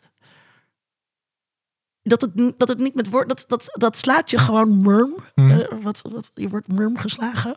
Ehm, dat, en dat is wat ze zijn. Ze zijn allemaal murm. Dit kan je niet uitspreken, dat Ja, het is ook een Kutwoord. beschermings, hè? Net zoals Ja. al die andere mensen. Het is, is gewoon een reactie. Ik ga gewoon niks laag. meer voelen. Ja, precies. Het is gewoon afsluiten en klaar. En ik ga Maar- niks voelen, perfectioneren. En dat ga ik heel erg performen. Ja. Ja, ik vond het wel, ja, maar ik vond het wel raar van niemand, mensen mogen het niet vergeten, maar ze mogen willen ook niet voelen. Ik, ik, Hmm. een soort rare tegenstelling in. Maar toen dacht ik, ja, inderdaad, nu zitten we het alsnog hun uit te leggen. ja. Eh, Nou ja, je kan wel hun verklaren of eh, Ja. eh, Ja. bedenken waarom ze zijn ontstaan. Of, Of waar de impuls vandaan komt. ja. Ja. ja, maar uiteindelijk eh, is het gewoon dezelfde Kijk eens. ge- ja, nou ja, reactie als een Kevin Garvey die eh, mentaal niet oké is en als een soort Die honden neerschiet. Wordt Nobody is oké, zegt Nee, een van die vriendinnetjes. ja. Nobody Ehm, is oké, Ja, ja. En, dat, en dat is het ook gewoon. Maar, oh, maar jij zegt die honden niet neerschieten? Die aten dat hert gewoon zo op. Ja, er zit iets... Maar ook Ik- moest heel erg nacht met- met denken- misschien denkbeeldige jagerbeu. ik moest heel erg denken aan, eh, aan Atlanta. Er zit zo'n aflevering in, dan gaat hij naar eh, een schietbaan en dan doet hij, eh, Oh ja, ja, ja. doet hij een eh, plaatje van een hond. en die mensen worden woedend. Hij wordt echt onder het gunpoint wordt hij naar buiten. Dan zeg, maar dan zegt hij van, oh, maar jullie schieten op mensen. Zwarte mensen. Zwarte mensen. mensen. van kleur. Ja. Ja, dat is anders. Ja. Dat is, dat is anders. En honden... Daar moest ik aan denken. Dit zijn gewoon wilde honden. Ja, wild maar honden hebben ook in eh, theologie en in, in geloof... eh, als Hun baasjes zijn ook een- verdwenen. Oh, Oké. Ja. Een soort van eh, thema is dat altijd, dat honden wild worden en dat, dat, ze die dus, ja, dat ze die dus moeten neerschieten, omdat, eh, omdat het einde van de wereld eh, daar is. Ja. Dus het is wel, het, het heeft wel een soort van, eh, het zit er niet voor de lol in als in, eh, oh, we gaan nu honden. Het heeft wel een soort Nee, nee, dat snap ik. Dat snap ik. ja, dat, dat ja. Ik begreep wel dat eh, er dus ehm, heel veel religieuze symboliek in is gestopt. Ook wel echt in overleg met theologen die daar aan meegewerkt hebben. Daar had ik wel een beetje soort eh, Harry Mulisch vibes bij. Eh, ik hou dus helemaal niet van easter eggs zoeken of, ehm, of dingen eh, willen begrijpen allemaal. Wat, wat een hint dan eh, betekent of zo. Maar de- En- is dat dan, er zitten niet echt Easter eggs in, zoals dat je toch in nou ja, niet Easter eggs, maar wel je kunt je kunt natuurlijk gewoon al die symboliek proble- proberen te, Oh, te, ja. te plaatsen en na te lezen. Eh, en eh, ik weet dus nog dat ik eh, eh, voor school Harry Mulisch twee vrouwen moest lezen, wat dan ook bol zat van de ehm, eh, symboliek uit de, uit de Griekse mythologie. En toen dacht ik ook, hou eens op Harry, weet je wel? Oh. Dat, eh, Maar, maar, maar, maar dit las je dus achteraf. Maar dus tijdens het kijken Heb je er geen viel het je niet op. Nee, wel, dat was dus Oh. was dat ja, dus ik was op Vulture de recaps aan het Oh, ja. lezen en toen vertelden ze daar dat ze dus met theoloog hadden samengewerkt. Ja. Ehm, en eh, ik vond het hier niet storend, maar ja, Ik vond het wel... Voor, voor mij droeg het heel erg... want jij houdt wel van dingen napluizen. Ja, de- mm, ben ik tijd wel een beetje op teruggekomen. Dat ik dat toch wat vervelender vind. Maar Na de Eh, White Lotus? Ja, ook een beetje. Maar ook al op een gegeven moment na Game of Thrones was het al een beetje dat ik zit. En sowieso kan ik niet bijvoorbeeld... Ik ben heel allergisch voor van die video's van Hupplepup Ending Explained. Dus gewoon bijvoorbeeld met... eh, gewoon hoe, hoe heet die Netflix film ook alweer? Ehm, met Oscar Isaac, Natalie Portman, Ja, oh, die, eh, sci-fi. die, eh, met die gekke refractions. Annihilation? Annihilation? Annihilation, niet ja. Die, en dat einde is heel bewust ambigu. Ja, En dan was het, dan zag ik op YouTube alleen maar daar video's over ending explained. Hoe bedoel je ending explained? Het is ambigu, laat me met rust. ja. Dan kan ik heel. En dat, dat is precies, precies bij deze serie vind ik dan ook van laat het gewoon lekker. Ik ging even Maar ik vind kijken. Oh. eh, sorry, ik ging even kijken eh, wat, eh, wat hier bij de mediastudies over, eh, Hm. over deze serie is geschreven. En toen vond ik dus heel precies over dit. Ehm, een eh, artikel eh, over de leftovers en ehm, nou, nog een serie waarin eh, dus ging dat fans die alle Easter eggs en symboliek napluizen en daar video's over maken, vinden dat hun betekenisgeving eh, eh, de Ja, betekenisgeving ja, en, en is. daar daar kan ik niet zij- tegen. dat Dat, is wat me tegenstaat ja. in, in het uitpluizen en, en, daar dat. is deze dat je op serie zoek bent- juist echt niet voor bedoeld. Nee, nee, nee. En, en, en, maar de- en, dat, dat is- en dat- ja, en ja, vind ik jammer dat, dat je media probeert op te lossen. Dat, dat, dat, Ja. dat, dat je daarna zit van... Oh, dit is wat dit betekent. Ik heb het uitgezocht. Ik weet het nu. en punt. mijn betekenisgeving klopt, want Ja, dat vind ik, dat vind ik jammer. is altijd vrij. Maar, Ja. maar, ja, maar dus terug naar de religieuze symboliek. want daar wil ik nog wel even punt over maken. Want wat, wat ik daar heel vet aan vond in deze serie is dat het is eigenlijk het zijn hele alledaagse verhalen, los van dat 2% van de mensheid is verdwenen, maar het gaat over een politieagent in een klein dorpje eh, en, en kleine huiselijke eh, dingen. Maar er is altijd een gevoel van dat er iets meer is, omdat dingen net niet kloppen, omdat er die symboliek erin zit. Omdat ja, hij heeft inderdaad, ineens loopt Kevin met allemaal mensen om zich heen die vernoemd zijn naar apostelen. Ehm, ja, en, en dat geeft alles een laagje dat het meer is, meer zou kunnen zijn, misschien. Maar Ehm, het is in de basis toch ook gewoon een rapture. Dus het, Ja. is, het geloof is... eh, ja, eh, Is echt. Is echt en is, is daar. Dus, het- dus ja, maar, maar, maar, ook het, weer maar het is niet. zonder reden. Het is, het, is, het is een rapture zonder structuur, zonder... Nou ja, eh, dat is ja. de vraag natuurlijk. Dat dan die ook die op we een niet gegeven moment weten. zegt, eh, zegt iemand toch... eh, eh, de paus kan ik begrijpen, maar ehm, Gary, Gary Busy, geloof ik. Gary ja, dat, waarom Oh, ja. hij... En dat komt nog terug ook later als ze met zo'n die pop staan. Ja, precies dat die pop. goed. En dat. ehm, en eh, dus, dus daarom, je moet dus ook niet eh, gaan kijken van is het dus eh, religieus of is het eh wetenschap. Het is gewoon, dit is gebeurd. Ja, maar even toch in de basis als er geraptured wordt, dan dat kan toch niet, even voor mijn kennis, niet aan iets anders vastzitten dan judgment, zeg maar? Of, of is het gewoon dan voor jullie echt soort van, nee, dit, dit, is al, dit kan niet, of dat hoeft dus niet. nee, nee, maar- er zit geen oordeel in. Ja, maar dat weet je niet. Dat Ja. is Ja, maar nou, waar, Schijnbaar, dat, ja. nou ja, Gods een- foetus, zijn. Ja. een, foetus zomaar eh, weg eh, nou ja, ja, nou ja. blip, blippen. Eh, goed, ik weet niet wat de even- reden... Ja, wat de reden Nou ja, is. eh, me- raptures zijn meestal voor de goede mensen. Dus Ja, maar daarom- zeker. Daarom loopt Matt rond met zijn folders dat het, dat het allemaal verschrikkelijke mensen zijn. Ja. Maar dat is, maar dat. ehm, Ik wil niet zeggen dat het dus zo is, maar eh, voor de Maar hij- mensen, zeker Ja, in ja. Amerika, zeker in hele. ge- En eh, wij zijn dan allemaal niet zo gelovig meer, maar de rest van de wereld wel, is dit natuurlijk een, gelo een, een- niet een gelovige, maar eh, een, een experience die aan het geloof gekoppeld is. is- Ja. Welk het geloof dan ook. Het is iets wat in de Bijbel is aangekondigd natuurlijk. En kijk, want dan kan je ook... ehm, eh, dat, dat is nog wel interessant. Hè? Als, stel, jij bent God en eh, je laat de rapture plaatsvinden... ehm, ga je dan inderdaad bij al die mensen... dat zit natuurlijk heel erg in de good place trouwens... ehm, heb je dan een soort puntentellingssysteem op basis Maar daar, daar, zijn wel, daar zijn die vragenlijsten voor. Precies Ja. om dit dus Om te de kunnen puntentelling te zien. Ja, om te bepalen van, eh, of dat een goed idee is, of dat klopt. Ja. Nee, of daar volgens, iets mij, is. volgens mij gaan die vragenlijsten eh, eh, over, die, die- daar- daarbij gaat het zoeken voor een wetenschappelijke verklaring Ja. naar ehm, wat hebben deze mensen gemeen gehad. Dus, Ja, dus waarom op een zijn ze gegeven moment- geraptured? dus op een gegeven moment ehm, gaat het dus over, eh, hebben ze de, de theorie dat het toch echt te maken heeft met een geografische plek ehm, waar, je, waar je was. En dan eh, zou je dus ook eh, niet een metafysische, maar gewoon toch echt wel een natuurkundige verklaring Oh, mogelijk met die, met die stralingsdeeltjes. Of weet je wel, dat het toch niet een, een, een, een daad van God was, maar toch gewoon een natuurkundig verschijnsel. Maar dan heb je nog, alsnog niet de vraag van waarom gebeurde dat? Nee, Dat- alleen- het, het geeft geen betekenis Nou ja, aan het waarom? Omdat er dus op dat moment iets ehm fysisch, hoe zeg je? Ja, een natuurverschijnsel wat we niet, nog niet Ja, maar kunnen dat- Maar dat we nog verklaren. kunnen verklaren, ja. Behalve als je Nederlandse nu- wetenschappers Nu gaan we lekker toch weer de hele boel zitten verklaren. Maar, als ik, maar ik kan me dus voorstellen dat als ik God was eh, eh, en ik zou die rapture... Nou, kan jij je dat voorstellen, Nou, Linda, eh, dat jij... Dat, dat, eh, en ik bedoel, het is ook wel tijd, want de planeet is overbevolkt. Dus ik denk dat het ook helemaal niet eh, een slecht idee is voor een grote reset. Eh, eh, dat je nog maar, dat je, Klaus dat Schwab je, hier aan tafel. dat je, nee, maar dat je nog maar 2% overhoudt. En dat het dan veel slimmer is om dat random, volkomen random te doen. De loterij, ja.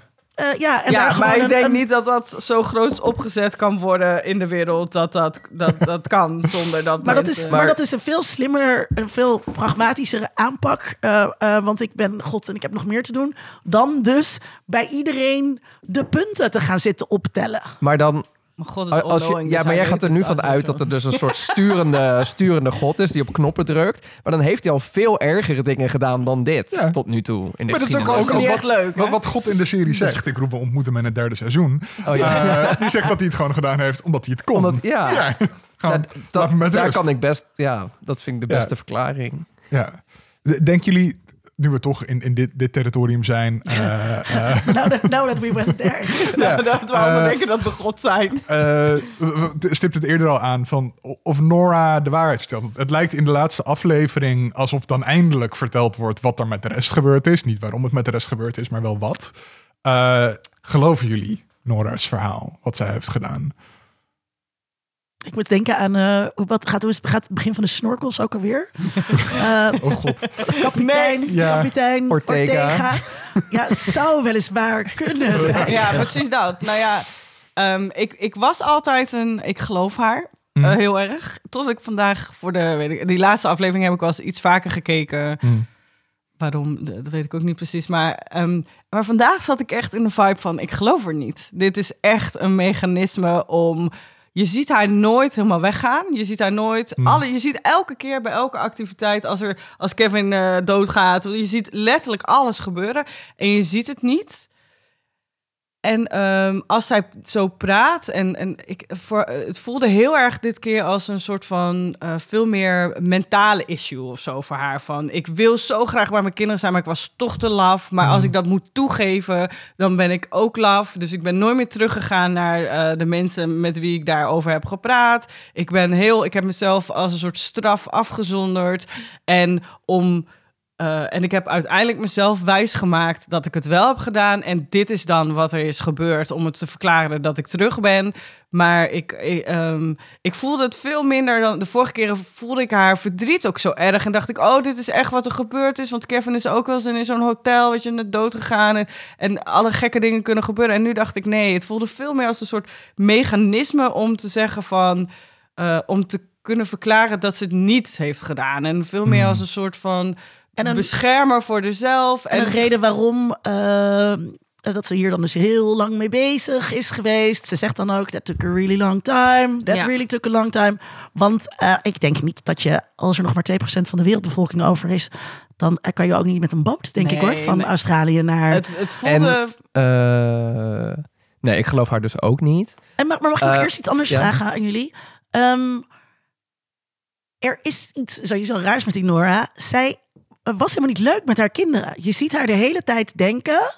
eh, ze maken heel veel herrie. Hou eens op met Mm, eh, een klein gedeelte. met het is die, niet, die scènes die je met haar, met haar kinderen ziet. dat is de laatste scène vooral. Eh, ja, maar Ja. ook daarvoor, want ze wil, ze wil eh, een baan, want ze wil niet alleen maar meer Nee, moeder zijn. Dat er iets in zit van dat zij, eh, en dat, dat zij misschien haar kinderen wel weggewenst heeft. Ja, en dat Ja, ze daar maar zo schuld om voelt ze dat ook. Ja. Daar voelt ze heel schuldig Ja. over. Want ze denkt alleen maar, kutkinderen hou op. Op dat moment Ja. vooral ook heel erg. Je hebt gelijk, ze doet het ook, maar ze heeft ook hele mooie herinneringen. En zoals denk ik elke moeder de kind af en toe achter het behang wil plakken, was dat. Dat is gewoon En- een projectie van mij. ja. ik geloof het wel een beetje, want, maar het klopt wel, dat is wel haar main guilt. Want ze doet er alles aan. Ze gaat naar, hè, ze gaat werken voor iets wat heel erg eh, verklaart, verklaart, verklaart. En eh vragenlijstje, vragenlijstje. Ze wordt heel cool, sluit zich helemaal af. Ze doet, eh, mijn kinderen, eh, ik wil er niet aan denken. En op een gegeven moment laat ze een tattoo zetten. Dan gaat ze de Wu-Tang eroverheen zetten, want ze is er toch niet klaar voor. En Dat dus- vond ik heel erg die- grappig. ja, dat was echt. En dan die, dit Wu-Tang liedje erachteraan. Ik was echt yes. Eh, maar het is, De Wu-Tang Band. ja, de. Wu-Tang Band zegt ze dan. Echt amazing. Dus haar struggle is natuurlijk gewoon dat ze eh, ja, oh, de kinderen heeft verloren. Maar het laatste moment is zo heftig en slecht. En ze denkt elke keer dat ze zelf heeft veroorzaakt. Want hij op een gegeven moment, weet je nog, dan komt er zo'n muppet dat ze een, dat ze een Dat ze een diffuser is of zo. Lens is, Ja. ja. En, en dat, dat slaat ze helemaal op aan. Dus haar, haar eh, ik denk wel dat je het goed hebt als in dat, dat is wel haar main eh, struggle. Alleen ik denk niet dat dat is omdat ze slecht met haar kinderen was, maar dat moment en dat je gewoon, dat je la, als je laatste woorden zegt, zeg, kut Linda en je valt neer, dan voel ik me de rest van mijn leven schuldig. Op een bepaal dat je dat als laatste zegt. En, en dat is haar struggle. Ja. En dat zie je, vind ik, dus in dat laatste heel erg terug. Dat ze weer niet, volgens mij, voor haar kinderen echt kan kiezen. Omdat ze het gewoon niet durft. Of, eh, dat, dat haalde ik er dit keer uit. Maar ik heb er ook echt wel andere dingen uitgehaald, hoor. Dat ik eh, vooral dacht... Dit Ze is ook echt bang voor het antwoord, lijkt mij. ja, en Mm. daarom, en maar het is gewoon, ook dit is weer niet, er is geen, er is geen echt antwoord Ja. hier, of Mm. je er gelooft. Ik eh, had eh, onderbroken. Nee, sorry, maakt, Sonny. maakt niet uit, maakt niet uit. Ehm, ik denk dat zij altijd heeft gedacht dat ze Kevin nog een keer zou zien. En dat ze jarenlang dit verhaal heeft geoefend. Niet voor zichzelf, maar voor hem, denk ik eerder. Want het, het leek zo erg alsof ze hem eh, ja, wilde geruststellen. I don't know. Ja, het was, ook- het, Maar hij reageerde, heel hij reageerde ook zo. Hij Ja. reageerde, zijn ogen ook als zij dat verhaal vertelde. dat was ook echt weer geweldig het is natuurlijk wel een excuus waarom ze niet eerder contact met hem ook heeft. Precies. Ze probeert ook te verklaren, Kevin, dit is, dit is wat ik heb gedaan. Het duurt zo lang. Het duurt zo lang. Ja, ze Eh, probeert hem minder te kwetsen. Maar het Ja. is vol, ik denk wel dat het meer eh, uiteindelijk voor haarzelf is dan. En hoe ze dat dan zegt, is inderdaad wel minder kwetsend of zo voor hem op dat moment. En het gaat, het is heel erg voor dat moment, maar ik geloof niet dat ze dat voor hem zo heeft Nee, bepaald. nou, misschien een, een deels. Maar dat haalde ik er dan weer uit. Maar, maar ik dacht ook inderdaad van... dat met de boot gaan is nog tot daar aan toe. Maar hoe vind je die Nederlandse wetenschapper? Katja Hermes is dat. Dat dacht ik echt. Nee, maar die, Oh, die de man die, de andere de kant. man die het, eh, Egen. die, die het gemaakt heeft. Ik Denk van, ja, Is en het de bij, eh, spullen. Zwitserland bij de- een deeltjesversneller. Ja, joh. de, maar zij komt in Australië, komt ze er weer. Nou goed. Ja, dan dacht, hij die machine gewoon nog een keer. Ja, dat, dat, Ja. dat dacht ik. Ja. Like that. Want hij had het al een keer alleen- gedaan. Het Ja. gaat dus ook niet om of je, eh, of je er daadwerkelijk gelooft of zo, maar dat het, het, ei- het is wel, je voelt wel wat daar gebeurt met die twee inderdaad. En dat dat voor hun de enige manier is Mhm. waarop zij, als er al een toekomst is, nog voor hun, dat, Ja. dat ze een kleine stapje kunnen doen. Want als zij zegt, nee, ik ben niet gegaan, ik zit hier gewoon al jaren in Australië. Ik durf je niet omhoog te komen. Ja. Ja. Dan denk, zou je toch ook denken, tabé, weet Ja. je wel. Ja, ja ik, vond, ik, vond, ik vond het heel grappig dat hij deed alsof hij er niet kende. Ik, vond het, ik vond het zo hard verschillend deed- eerst. ik geloofde hem het dus grappig en het deed pijn. Ik zo, wat, wat Ik gebeurt er dus- hier? De eerste keer dat ik dat zag, dacht zit ze nou gewoon alsnog wel aan de andere kant, Oh, zeg maar. ja. Dat, en dat, dat ze daadwerkelijk... dat- Ja. ja. want dat is wat ze toch... Dat zit ze toch aan die 2% kant mensen. Hè, is ze is overgaan, want je ziet dan... En hij heeft een tweelingbroer, weten we uit Ja. zijn vage vuur Nee, ervaringen. dat is hij zelf. Maar, de, maar, de, maar dus, dus ik dacht, oh, dit is gewoon de Kevin Garvey van de wereld van de twee... Maar dat kan niet, want Kevin Garvey zit in ons Ja. wereld. Maar Ja. dat was even mijn soort van... Maar eh, ook even hoe lullig. Zij heeft gewoon contact met Laurie. ja, dat, Ja. ik zou echt woest zijn. Ook, ook wel, wel lullig hoe die soort van eh, ehm, patient psych privilege gedaan wordt van geef me een peuk. Of wat was het? Wat gaf ze haar ook Ja, alweer? pak je peuk. Ja, een pakje peuk. En van cool, ik mag nu niks meer vertellen. Ik- Ja, Net zoals ze altijd in series doen van geef me een dollar. ja. Terwijl- Oh, je bent nu mijn advocaat. Ja, dat is Terwijl- dat soort gebeurd. Eerder in de serie eh, zegt Laurie ehm, als, hem, eh, als hij heel erg aan het twijfelen is eh, over dat hij dus dingen over Patty weet, eh, omdat, omdat hij dus Patty ziet. Eh, en dan eh, legt Laurie uit, nee, jij weet die dingen over Patty omdat ik dat wel eens Ja. gedropt heb. Want eh, eh, eh, client privilege, my ass, zegt ze daar. Ja, Ja, ja. maar dat is een Ja, en- partner. ja. En, en eh, ik kan me niet voorstellen dat ze haar licentie nog heeft na haar Ja, is, uitstapje maar dat, in een secte. partners, maar nu, maar weet je, dat is je ex-man van wie je nog heel veel houdt. Je woont naast hem, Ja. je ziet hem kapot gaan ja. over. En dan zeg je niet, ja, kom op.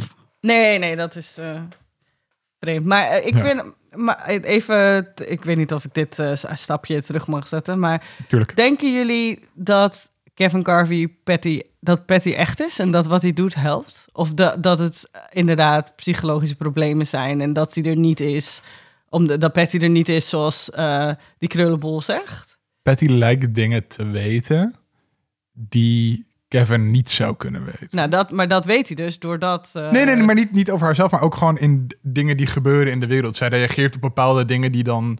Volgens mij is op een gegeven moment ook een scherm of zo... dat zij dan kan zien wat, wat Kevin dan niet zou kunnen zien. Dat ze zegt dat erop Ja, staat of zo. Zegt ze de zeven of zoiets. Ja, Ja, ik Ja, geloof- maar daarvan nee, weet je ook niet allemaal of die dingen die zij denkt te weten over de wereld, of die kloppen. ja. Nee, En, precies. en ik denk dat dat, Maar dus is de vraag: denken jullie dat dat dus. hij is gewoon, hij is gek. Ja, Eh, toch? Maar- niet gek. iets poli- politiek correcters.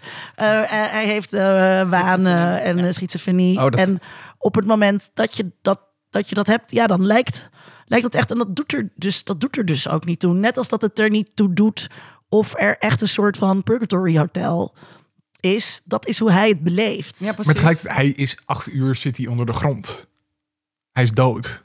Oh ja, nee, maar het is natuurlijk een serie waar bovennatuurlijke dingen gebeuren. ja, maar. gebeuren. En daar ontkom je niet aan. Maar of Patty echt is of niet, Hmm. dat, dat doet er denk Nee, nee, ik ja, niet toe. Maar Ja. niet zozeer Nee, of alleen nee. Patty echt is, maar dus of wat Garvey, wat die natuurlijk gewoon de hoofdrolspeler is, of wat hij doormaakt, realiteit is met bovennatuurlijke dingen. Of denken jullie, eh, want ook dit heb ik an- zeg maar in de rewatches anders ervaren dan zeg maar de eerste keer dat ik het keek. Van de eerste keer dacht ik veel meer van wat hier gebeurt is, eh, is echt met bovennatuurlijke. En dit keer dacht ik veel meer. Nee, dit, eh, dit, dit, daar, ga- ik weet dat het daar niet om gaat, maar je gaat natuurlijk wel met een bepaalde Ja. blik naar dingen kijken. En ik vond het veel meer dit keer van, eh, oh ja, hij, is, hij heeft echt wanen en wordt zijn vader. En het is, Hmm. het is ook echt zo, die vader. En er zitten ook dingen, hè, ook wel echt wat bovennatuurlijke dingen in. Maar ik vond het veel meer, eh, ik, ik kreeg veel meer binnen van een soort iets minder gevoel van, oh wat erg dat hij dit herleeft. Maar meer van, oh ja, dit is echt ook, zij, dit is gewoon zijn ziekte en hoe hij er weer mee koopt. En eh, Hmm. en dat, dat, dat moment met Laurie en Patty vond ik dus wel heel erg interessant. Omdat ze, ze is er echt inderdaad niet als zij er is. Nee. En ze is, ze is er aan het eind gewoon ook weer. Wel op een andere manier, maar ze is niet weg of zo. Dus Nee. voor mij, ik vond het gewoon wel interessant om dus vooral dat je met de, als je het voor de tweede of de derde keer kijkt, dat je dus weer denkt van, oh ja, maar is dat daar? Hmm. Het, het is dus echt niet. En dat maakt het wel interessant om te kijken. Kijk, je kan niet beslissen of, eh, ja, je kan wat jij net, of wat jullie net zeiden van beslissen, mijn theorie is de juiste theorie, theorie. Maar het is juist zo heerlijk dat je dus kan kijken en denkt, oh, ik ervaar het nu echt heel anders. Ik zie dit nu met mijn eh, oudere, wijzere oog zie ik dit weer. Terwijl ik met mijn jongere oog veel meer op mijn gevoel zat en dacht van...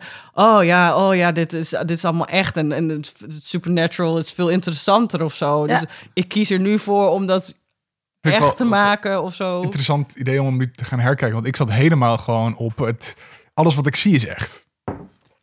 Daar, Ja, daar zat ik dat helemaal op. Gewoon, dit is gewoon... Ja, dit, Ja, dat Dit is wat gebeurt. ja, dat dit ik- vertelt de, de serie mij nu... Ik ben aan boord. Maar dat is, het gaat dus ook ehm, met John bijvoorbeeld. Hmm. Die heeft zo'n eigen beeld ook op de realiteit. En hij is, hij is eh, minder de hoofdpersoon. Eh, maar hij weigert te geloven eh, dat Evie ehm, dit gedaan heeft. Ja. Dat zij niet echt Departed ehm, Mhm. was. Hij denkt, hij wil eraan blijven vasthouden. En dat heeft hij met allerlei dingen. En ik denk dat dat wel gewoon. Zo, zo is het ook. Wij maken ook ons allemaal onze eigen eh, realiteiten. En ehm, eh, dat, dat gegeven is ook mooi om te zien. Dus Mm. ik vind het ook. ehm, en juist dus ook wel omdat. ehm, eh, ik vergeet steeds zijn naam. De hoofdrolspeler. Kevin. Garvey.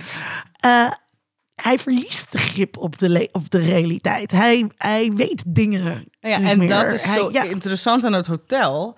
Daar, dat is de enige plek waar hij dus steeds grip krijgt. En waarom En hij terug wil. dat- ja, nou Ja. dus, maar daarom, ik vind het grappig dat je dat zo zegt. Want ik dacht ook echt dit keer van, oh ja, dit is echt het moment dat hij weer zichzelf terugpakt. En weer iets, een verklaring heeft gevonden. Of een, een soort van oplossing heeft gevonden. Terwijl je natuurlijk gewoon, eh, dat is helemaal niet zo in de echte wereld. En is nog steeds, is, het- gaat het steeds weer mis en gaat het helemaal niet goed. Ja, en ik, ik geloof dus ook wel dat je in je geest ergens heen kan gaan en heel sterk het gevoel kan hebben dat je daar bent.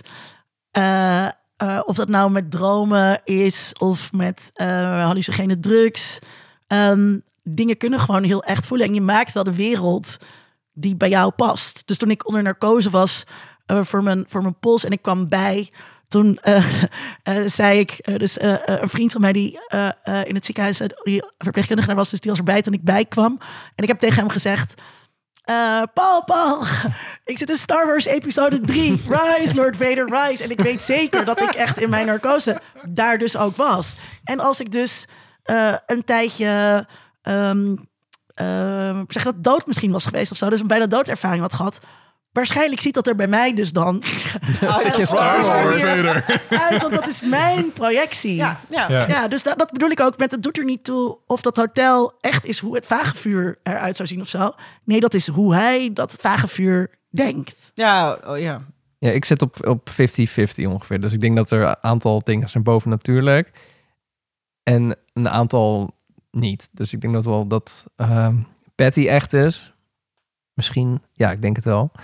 Maar dan later dat hij gewoon dingen... Dat hij zo fucked up is dat hij dan wel weer helemaal... eh, Zo, bijvoorbeeld met dat water, verliest. dat hij eh, zichzelf verdrinkt met de er steen. is ook dat heel dat- veel toeval. Te Ja, maar veel dat, Ja. dat water is wel echt weg. Want eh, dat Heeft iedereen in het dorpje heeft door dat dat water er niet meer is. Ja, maar dat God. door de aardbeving. Dat legt ze op een gegeven moment later in de serie Oh, uit. Dat er een aardbeving was, waardoor de, is de, dus- de, de reserves daaronder open zijn Oh, gegaan, Het waar het water in alles kan geloven en bijna alles is verklaarbaar. Een paar dingen niet, maar bijna alles is wel een soort van, eh, ja, hè, naar eh, of mentale proble- eh, problemen te leiden of naar van alles nog wat. Maar ja, en dat, dat viel me nu meer op, dat het iets meer verklaarbaar was. Eh, En dat het dus, zo- hè, dat het, maar dat maakt het niet minder goed of, of, eh, of hè, wat je zegt, maar het wel dan dat ik dacht, eh, oh ja, alles is gewoon zoals jij zegt, het is wat het is en wat ik zie is wat er echt gebeurt. En daar, dat maakt deze, dat maakt het zo interessant dat die, dat je gewoon multiple dingen kan interpreteren. En uiteindelijk draait de serie natuurlijk gewoon om, eh, want het is heel erg psychologische storytelling. Hmm. Draait het gewoon om hoe beleven deze mensen hun emoties? Hoe, wat voor eh, effect heeft dat op hun relaties? En dan maakt het dus niet zoveel uit of Patty er echt is of niet. Nee, maar het is wel een leuk gesprek. Ja, ja, ja. ja. Ja, ja, nee, maar dus ehm, eh, daar zit ook een soort van suspension of disbelief Ja. in. Van, daar kan je het dus ook oneens over zijn. Je zit alsnog te genieten van Ja. eh, hoe hij vervolgens weer ehm, zich toch wel een soort van verzoent met Laurie. Ja, zeker. Ik vond het ook wel interessant dat eh, het begin van seizoen 3 dat je die mensen ziet in 1500 zoveel die dan Ja, ja. de avond op het dak gaat staan, Ja, gaan staan omdat, Geloof, eh, ja. omdat de wereld gaat eindigen en dat natuurlijk in einde seizoen 3 is het van we moeten de regendans doen want dan gaat het niet regenen want er komt een nieuwe flood. Ja. Ja, dat vond ik ook eigenlijk haalde ik daar dus uit oh dit hele einde van de wereldverhaal dat is onzin want dat denken mensen door de Mhm. hele geschiedenis dat het stopt. Dus daar had ik het wel heel erg sterk dat de serie eigenlijk dat ik het idee had van de serie zegt nu nou dit Dit, dit, is dit is niet. dan weer niet echt. Nee, maar dat is ook wat eigenlijk de, hele, de serie de hele tijd met Kevin Zien hier wel zit van, oké, maar soort van, met Kevin Jr. sp- spelen ze heel erg met... Ja, is het echt. Gaat hij richting zijn vader of is het allemaal echt? Maar hij ziet hem Waarop wel die weer vader in- wel... Maar die vader van- is wel het eikpunt van, het is Dit, sowieso dit is, wel- is Maar hij ziet hem wel in, als hij in Purgatory is, ziet hij hem op de tv. Ja, je ziet Ja, wel ja, Dan denk je van, oh, Ja, had hij niet de hele tijd wel gelijk? Ja, en dat Ja, zijn de hele tijd- die het speelt elke, er heel elke erg keer is er mee. net weer dat ene dingetje waarvan je dan zit van, oh ja, kut. Ja, precies. En er is Ja. Oh, natuurlijk misschien. zeven jaar Er geleden... ook die gekte in. Ja, Ja, ja, ja. die enabled dat als een malle. Ja. Door de National Geographic uit 1978. maar- Ja. En ik En dacht er is van, oh, natuurlijk ook wel- gewoon zeven jaar geleden daadwerkelijk wel iets heel ergs gebeurd. Dus ik kan me voorstellen dat als je eh, eh, gelooft in bepaalde dingen, dat je nu Je niet hebt meer... nooit zo'n nu- goede reden gehad Ja, als... precies, al- om het wel te Ja. geloven. En dat vind ik zo interessant, Ja, weet je wel. Want Ja. ik kan me best voorstellen dat als zoiets zou gebeuren... als je niet in God gelooft of niet... eh, hè, hè, ik, vind, ik vind bijvoorbeeld als character eh Matt zo interessant. Ja. Dat, dat, ja, ook omdat Doctor ik... Who bedoel je? Nee, nee, ja. nee, maar ook omdat het gewoon ik het geloofstukje ook heel leuk vind aan dit. En, en Ja. niet zozeer de, de eieren of de verstoppingen of alle verwijzingen, want daar, ben ik, daar heb ik gewoon niet genoeg kennis voor. Hm. Maar ik vind het in de, in de echte leven ook altijd heel interessant hoe mensen zich zo kunnen overgeven aan geloof. En soms jaloersmakend bijna, Ja. weet je wel. En hierin hoe hij ook omgaat hiermee en met zijn vrouw die eh, ziek is en, en Miracle weer. Hè, Miracle is sowieso natuurlijk een, net iets... Dit hele tweede A seizoen is iets... miracle. Ja. Oh, dat Oh. liedje. Oh, dat is Ja. Maar de- hij is, hij, ik vind zijn ehm, struggle is net weer wat anders dan eigenlijk de rest. Waar de rest vooral met verlies en eh, gekkigheid of hè, mentale illness struggelt. Struggelt hij natuurlijk vooral met zijn geloof en met... eh, Maar hij heeft hoop. Hij heeft zo... Ja. Kan je de poes weggooien? hij, hij is ook heel positief inderdaad. Hij is ook heel anders dan een Nora die eigenlijk alleen maar... En een Lore die dood willen. En, eh, hè, want daar komt het op neer. Die vrouwen hebben eigenlijk niet zo heel veel zin meer in het leven. Ja. En Kevin die, nou ja, afglijdt naar het gekke huis. En, en hij is eh, heel anders. En Maar hij moet- die dan eh, eh, op een gegeven moment, dan, eh, ehm, als hij te horen krijgt eh, dat eh, Mary zwanger is, eh, dan eh, wordt gezegd 80% kans dat het niet voldragen gaat worden.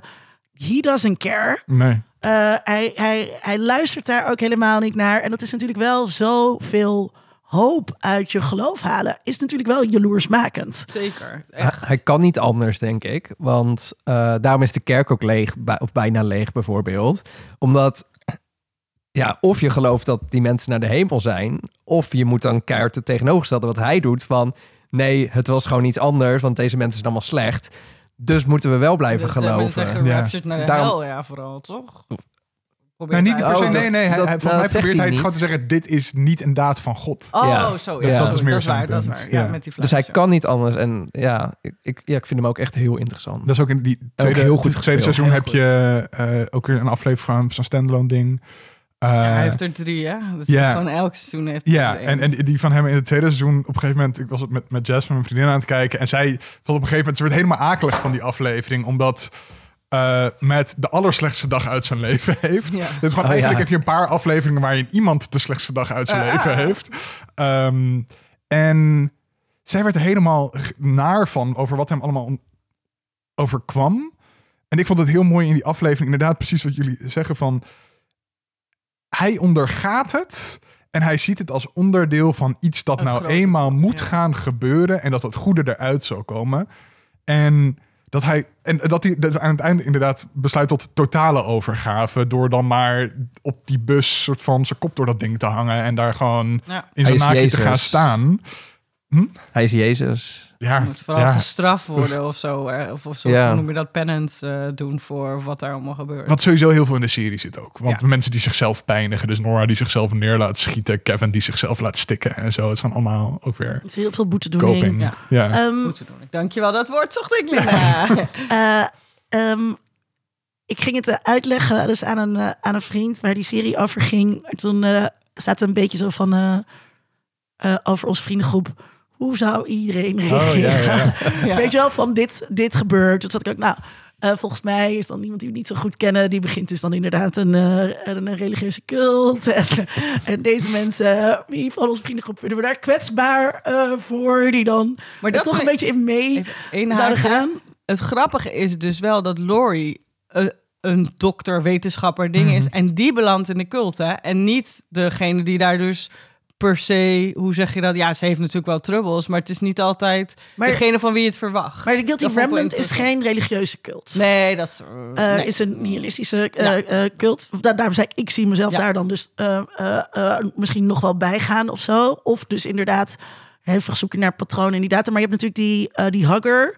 Dat is meer een Ja, soort ja. van religieuze Ja. eh, cult die zichzelf tot, tot een, tot een, eh Oh tot ja, een ja, sorry, eh, uitroepen. Dus wat zouden jullie... ehm, stel, dit gebeurt echt. Ja, zouden jullie dan...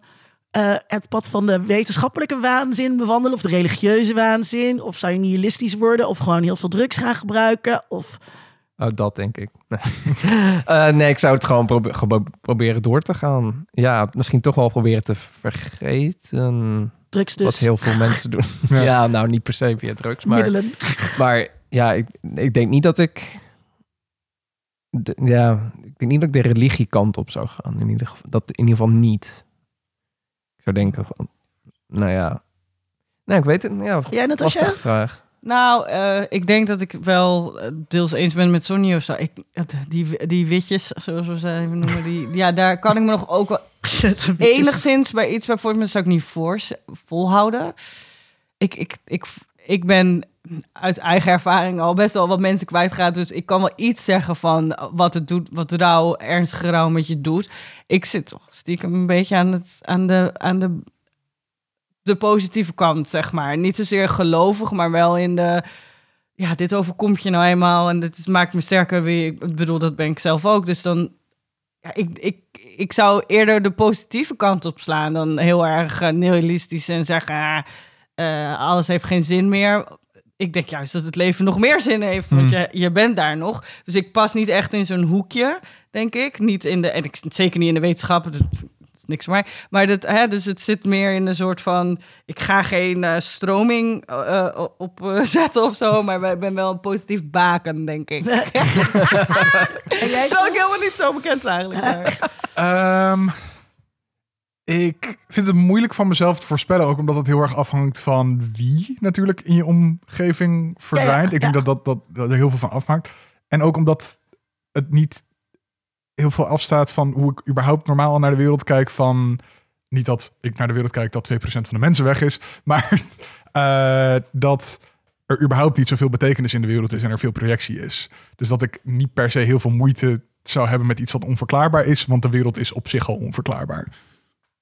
Ja, Maar dat, de vraag is meer, hoe ga je met die rouw om? Hoe, wat, Ja, wat, en, wat en, en dus is het dus meer, de, het, het, het is meer het, het rauwe gegeven van 2% van de mensheid die weggaat. Ja. Dat, daar kom ik wel overheen. maar als jij je maar de rouw? je moeder en de dingen... dat dat vind ik je- heel moeilijk te voorspellen. Maar- Een natuurlijk podcast is dat moeilijk, maar we vragen dus Ja, ja, ja. op een soort van Eh, basis van hoe zit je normaal... Je zit dus in, normaal in elkaar van, oké, maar sla je dan door? En dat, dat Nee, dit nee. klinkt... Nee, dat heb ik helemaal niet. Ik heb ook met rouw niet vaak meegemaakt, maar de momenten dat ik het mee heb gemaakt, kon ik dat best wel een plek geven.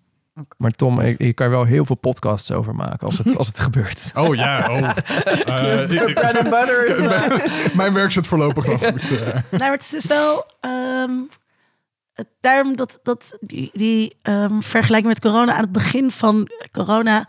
Gingen we ook in een soort hyperreflexieve modus van wat betekent Ja, dit? Dit, daar, We gaan vergroenen, we gaan anticapitalisme, we gaan. Iedereen was toen ook heel erg aan het zoeken naar ehm, een soort van ja, betekenisvolheid achter eh, de ramp waarvan de omvang toen nog totaal onduidelijk was. We zaten toen echt drie weken in quarantaine. Ehm, of in, eh, in isolatie, of hoe noem je dat, lockdown. Eh, dat er meteen heel erg het wilde duiden. En eh, ja, waardevol wilde maken. Anders dan alleen maar er gebeurt iets heel kuts. Wat sowieso ik altijd heel kut vind. Ja. Als, er, eh, als je aan het rouwen bent. En dat er dan een soort van silver lining moet Ja. zijn. Weet je wel? Ja, laat gewoon lekker. Nou ja, je, en je reageert dus ook op verschillende manieren. Zoals Laurie zit eerst in de Guilty Remnant en komt er natuurlijk uiteindelijk achter, ook al bestaat die Guilty Remnant nog, dat het niet voor haar is en gaat er zelfs mensen uithalen. Ja. Dus het is ook niet dat je in de initiële reactie je eeuwige reactie is. Dus misschien, eh, ik denk dat niemand in het, in het begin een, een hugger is, maar eh, daarna, ik, wat ik dus heel grappig vind, is hoe als we het nu over dus reacties na drie jaar hebben. Ik ben corona schijnbaar vergeten.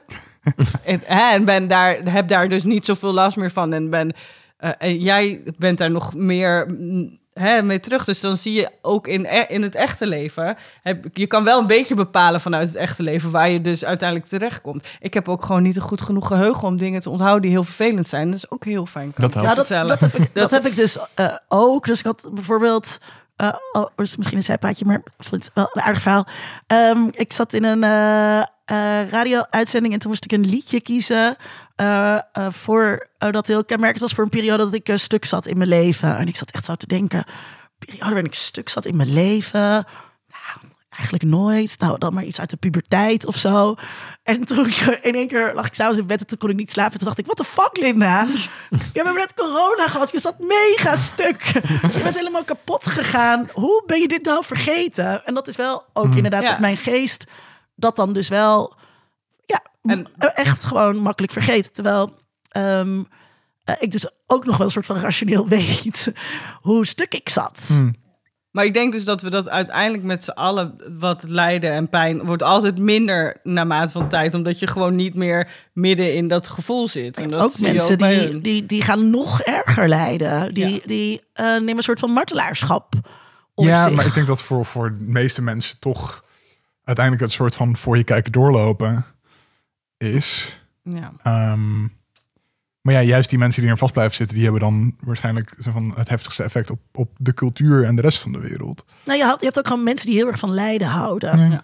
Die dat heel erg naar voren willen schuiven. Maar het is wel wat wel echt leuk is, ook al is het een heel ander verhaal, dat radioverhaal. Eh, We kunnen wel even mooi naar de muziek, want de muziek in deze serie, Oh, behalve ja. de characters, zeg maar, is dat maakt voor mij deze serie echt een top 3. Want dan, nou, als je dat weer kijkt. Die, die la- en ook de niet-muziek, hè, bijvoorbeeld. Het laatste, die laatste aflevering waarin, ze, waarin Kevin Carvey en en zijn tegen, daar is niks. Geen geluid en alleen maar. Dus het is het gebruik van geluid, het gebruik van muziek is zo fantastisch gedaan in deze serie.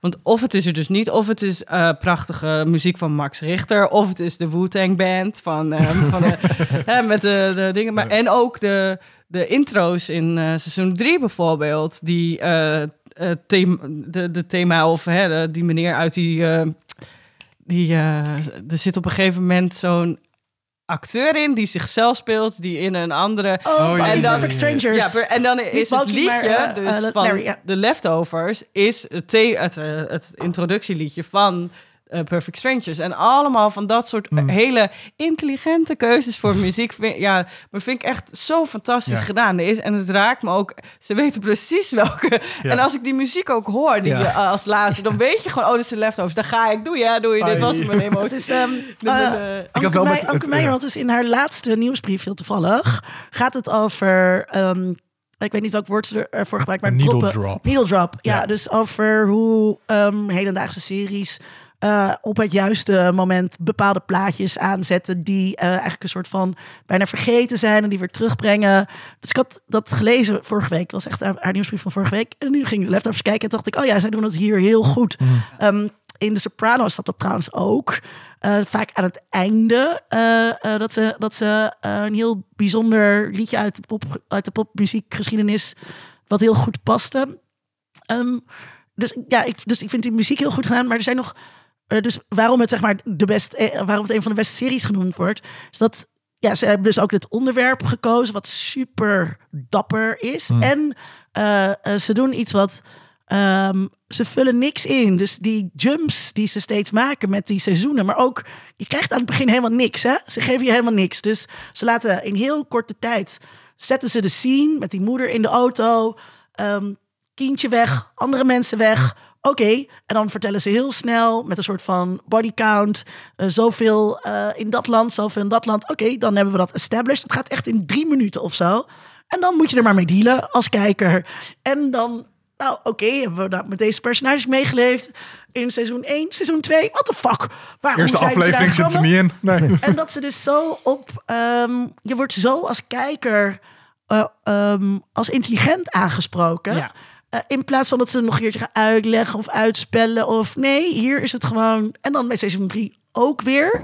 Eh, en dus er zit dus er is het soort zoveel lef ook in de storytelling. Ehm, en laten we dus wel wezen, dit was dus eh, 2014. Eh, dat is bijna tien jaar geleden. Er is ondertussen zijn er heel veel series geweest. Hè. Er wordt wel gezegd dan dat we in peak TV zitten. Dat er nog nooit zoveel eh goede series zijn geweest. Ik denk dat dit een beetje de aanloop eh, nog naar peak TV ehm, Nou, ik bedoel, was. 2014 was wel echt wel de golden TV. age of Ja. television. Ja, die, die was toen wel. bezig. Ja, maar dus peak TV is nog niet hetzelfde als eh, de Golden nee, dat is dat, Age. dat, dat- de, de, de verzadiging van de golden age dingen of zo. Of, Eh, ja, dat zit, daar, dat zit daar een beetje in. Ehm, maar de Golden Age, het is wel onduidelijk waarmee het begint. Ja, Maar Sopranos eh, of eh, Breaking Bad. Of, eh ja. Six Feet Under, al die eh, HBO, eh, serie- Buffy wordt ook Ja, vaak genoemd als voorloper van, eh, Age. Ehm, maar we zaten nog niet zo vol in die peak TV-fase waar, we- waarin we nu, waarin Nee, er dit- zoveel uitkomt dat we dat allemaal We niet bij hadden kunnen nog houden. niet eens HBO-streaming in dit land toen. weet Ja. wel. Dus dat telt niet. Ja, Maar we waren nog allemaal aan het downloaden. Ja. ja. Nog maar net hoor, toch? En, Relatief. ehm, maar dus, er zit zoveel lef in die serie. Ook op een manier waarop ik ook weer dan als soort van nu al nostalgisch naar die tijd. Ook denk ik nu niet meer gemaakt eh, kan worden. Juist omdat het Peak TV is en een serie moet concurreren met zoveel andere eh, eh, series. En je kan dan niet gewoon zeggen, ja, dan eh, seizoen 2 springen we eh, zoveel jaar in de tijd. Zijn ze in één keer heel ergens anders. Ja, mensen Dat pikken krijg je dat niet meer verkocht. Ja, maar ik vond wel van dezelfde maker, Watchmen, eh, vond ik hier wel bij in de buurt komen qua, qua keuzes die ze durfde te maken en hoe ze van aflevering tot aflevering gewoon hele maar- gekke sprongen durfde te maken. Aflevering 4 bijna helemaal zwart-wit met allemaal personages die we eigenlijk niet kenden daarvoor. Daar, daar zit ook dit soort keuzes echt wel in. Ehm, Nou, dat is HBO en Lindelof als Ja. combi natuurlijk. ja, als die twee bij elkaar ja. komen, dan komt het wel goed. Maar wat Ja. ik ook echt deze serie... Ik, en je hebt ook andere goede series met goede acteurs. Maar ik vind het level van acteren hier ook Hmm. gewoon... Ja, als je het heel even weer met Los bijvoorbeeld vergelijkt. Los heeft een geinig plot. En- Maar ik vind, niemand haalt het echt Hmm. zo op hoog met eh, acteerwerk. Of, hè, eh, of, of zelfs Game of Thrones. Dat vind ik allemaal leuk. Maar er is nergens dat ik denk, dit is echt Het is geen masterclass. zo masterclass Ja. en intelligent, acteur, weet ik veel. Maar dit is gewoon echt... Iedereen is zo goed in... En ik vind vooral echt de vrouwen... Ja, jij ook twitterde ook, over Erica en, eh als, en eh, ja, dat- Noor tegenover elkaar. Ja, dat is gewoon... Oh ja, die, die scène ook. Ja, Regina King en eh, eh, Carrie Coon. Carrie Coon tegenover elkaar over hun kinderen. En, nou, het is gewoon... maar zou het- dat, sorry, komen doordat zoveel afleveringen door vrouwen geregisseerd zijn? Dat er, dat er meer nee, over nee. nagedacht is, hoe, nou ja, Nou ja, ik, ik, het vast, maar het, de mannen zijn ook goed. Het gaat me Ja, gewoon dat echt dat het, dat de- regisseur haalt inderdaad natuurlijk het beste eruit. Ik weet niet of dat daadwerkelijk met gender te maken heeft. Of, of ja, rouw, vrouwen en emoties iets beter zijn. Dat, het zou absoluut kunnen.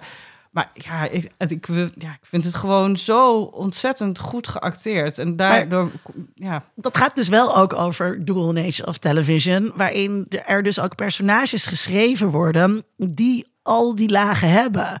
Eh, eh, Die dus ook geschreven worden op kunnen schitteren. dat zijn wel de mannen. Ja. Ehm, ik vond dus wel, ik had nog wel ehm, de, over, over gender. De mannen doen samen echt hele nare, agressieve dingen. Doen Mm. die mannen eh, onderling samen. Dus dat, ehm, eh, dat afschieten van die honden.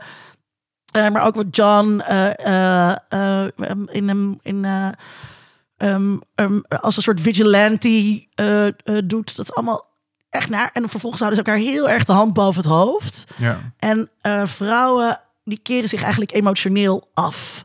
En een vrouw die zich emotioneel afkeert, dat is wel een soort van heel groot verraad. Eh, want vrouwen moeten juist emotioneel betrokken zijn en de boel bij elkaar houden. En eh, eh, dus beide, beide of alle genders komen er kut af. Of zo. Ehm, maar er zit wel, ja, mannen en vrouwen reageren dus wel ook anders op die crisis. En iedereen is, iedereen is kut. Maar ja, ik wel. Er Ja, zit- omdat het natuurlijk ook, ook, ik bedoel, alle spanningen die in gender zitten, in genderrolpatronen en, en toxische mannelijkheid bijvoorbeeld, dat wordt ook vergroot door dit soort trauma's. Dat, dat, daar kan je dan juist in gaan zitten poken als schrijver van, wat doet dat, dat soort opgebottelde agressie dan? Waar gaat dat heen? Eh, nou, blijkbaar dus naar zwerfhonden. ja. Ja, ja dat, vond ik, dat vond ik heel vet aan de serie inderdaad ook. eh, Wat, ja. oh, ja, Eh, ik denk mijn favoriete ding, naast de muziek natuurlijk en het acteren, is eh, hoe ze met perspectief omgaan. Dus dat je Mm. één aflevering volg je eigenlijk iemand. En dan de volgende aflevering zie je het gewoon van de hele andere kant. En dat iedere keer als, als ze dat deden, zat ik echt van... Oh, het is niet eens super ingewikkeld of, of het is wel slim. Maar ik dacht, maar ze doen dat zo perfect dat ik echt zag. Oh ja, maar natuurlijk. Oh ja, van de andere kant is het inderdaad zo. Oh, en dan soms kom je dan achter dingen waar je nog niet eens achter was gekomen. En Of, zag je het nog niet op die manier. Omdat dat, iedereen dus ook zijn eigen waarheid heeft. Ja, precies. Ja. ja, dat vond ik echt heel tof. Waardoor je dus ook krijgt inderdaad dat ook als kijker, iedereen, niet alleen in de serie heeft iedereen zijn eigen waarheid, maar als kijker krijg je dus daardoor ook. Maar, dat, maar ook met shots soms, dus gewoon echt het manier van filmen. Hoe als ze met z'n twee staan, is het niet een soort van zo en zo, maar dan is het echt op iemands Ja. hoofd. Dat ik echt, dat is ook heel interessant gedaan. Maar goed, Steeds eh, dichterbij komen. Ja, precies. Ja. Ehm, jij, Tom, waarom? eh, eh, want uh, Natasja zei dus altijd: oh, beste serie, vind je dat. eh, los van dat, wat ze ook zei, je kan niet iets zeggen dat iets de beste hij, staat, hij is. staat nu wel. eh, oh, oh, kat, hallo. Ehm, ja, ik denk wel dat dit een van de beste dingen die ik ooit op tv heb gezien is. Ja. Ja, dat, dat- zit hem in. Dat, eigenlijk alles waar we het afgelopen uur over leeggelopen zijn, natuurlijk. Maar het, het zit me voor, vooral uiteindelijk voor mij is soort van de totaal gedurfde keuzes die die serie durft te maken met. met ehm, ja, het vage vuur is een hotel. En daar is hij een internationale huurmoordenaar. Die aflevering. En, da- en, en daarna komt hij terug. En dan krijgt hij een nieuwe missie. Hij moet een liedje van Simon en Garfunkel zingen. En het gaat lelijk zijn. Hij kan er niks van. En je gaat huilen als een babytje. Want het is een van de mooiste emotionele momenten... die we ooit op tv hebben vastgelegd. Hoe de fuck bedenk je het? Het is toch... kijken. Wat is dit? Wat doe je met me? Dat is echt... Het is zo briljant en gedurfd en out there. Ja. Op geen enkel punt kun je voorspellen waar de serie heen gaat. En elke keer dat dat gebeurt, voelt het verdiend en kloppend. En het, het, het past allemaal in elkaar. En, het- ja, ja.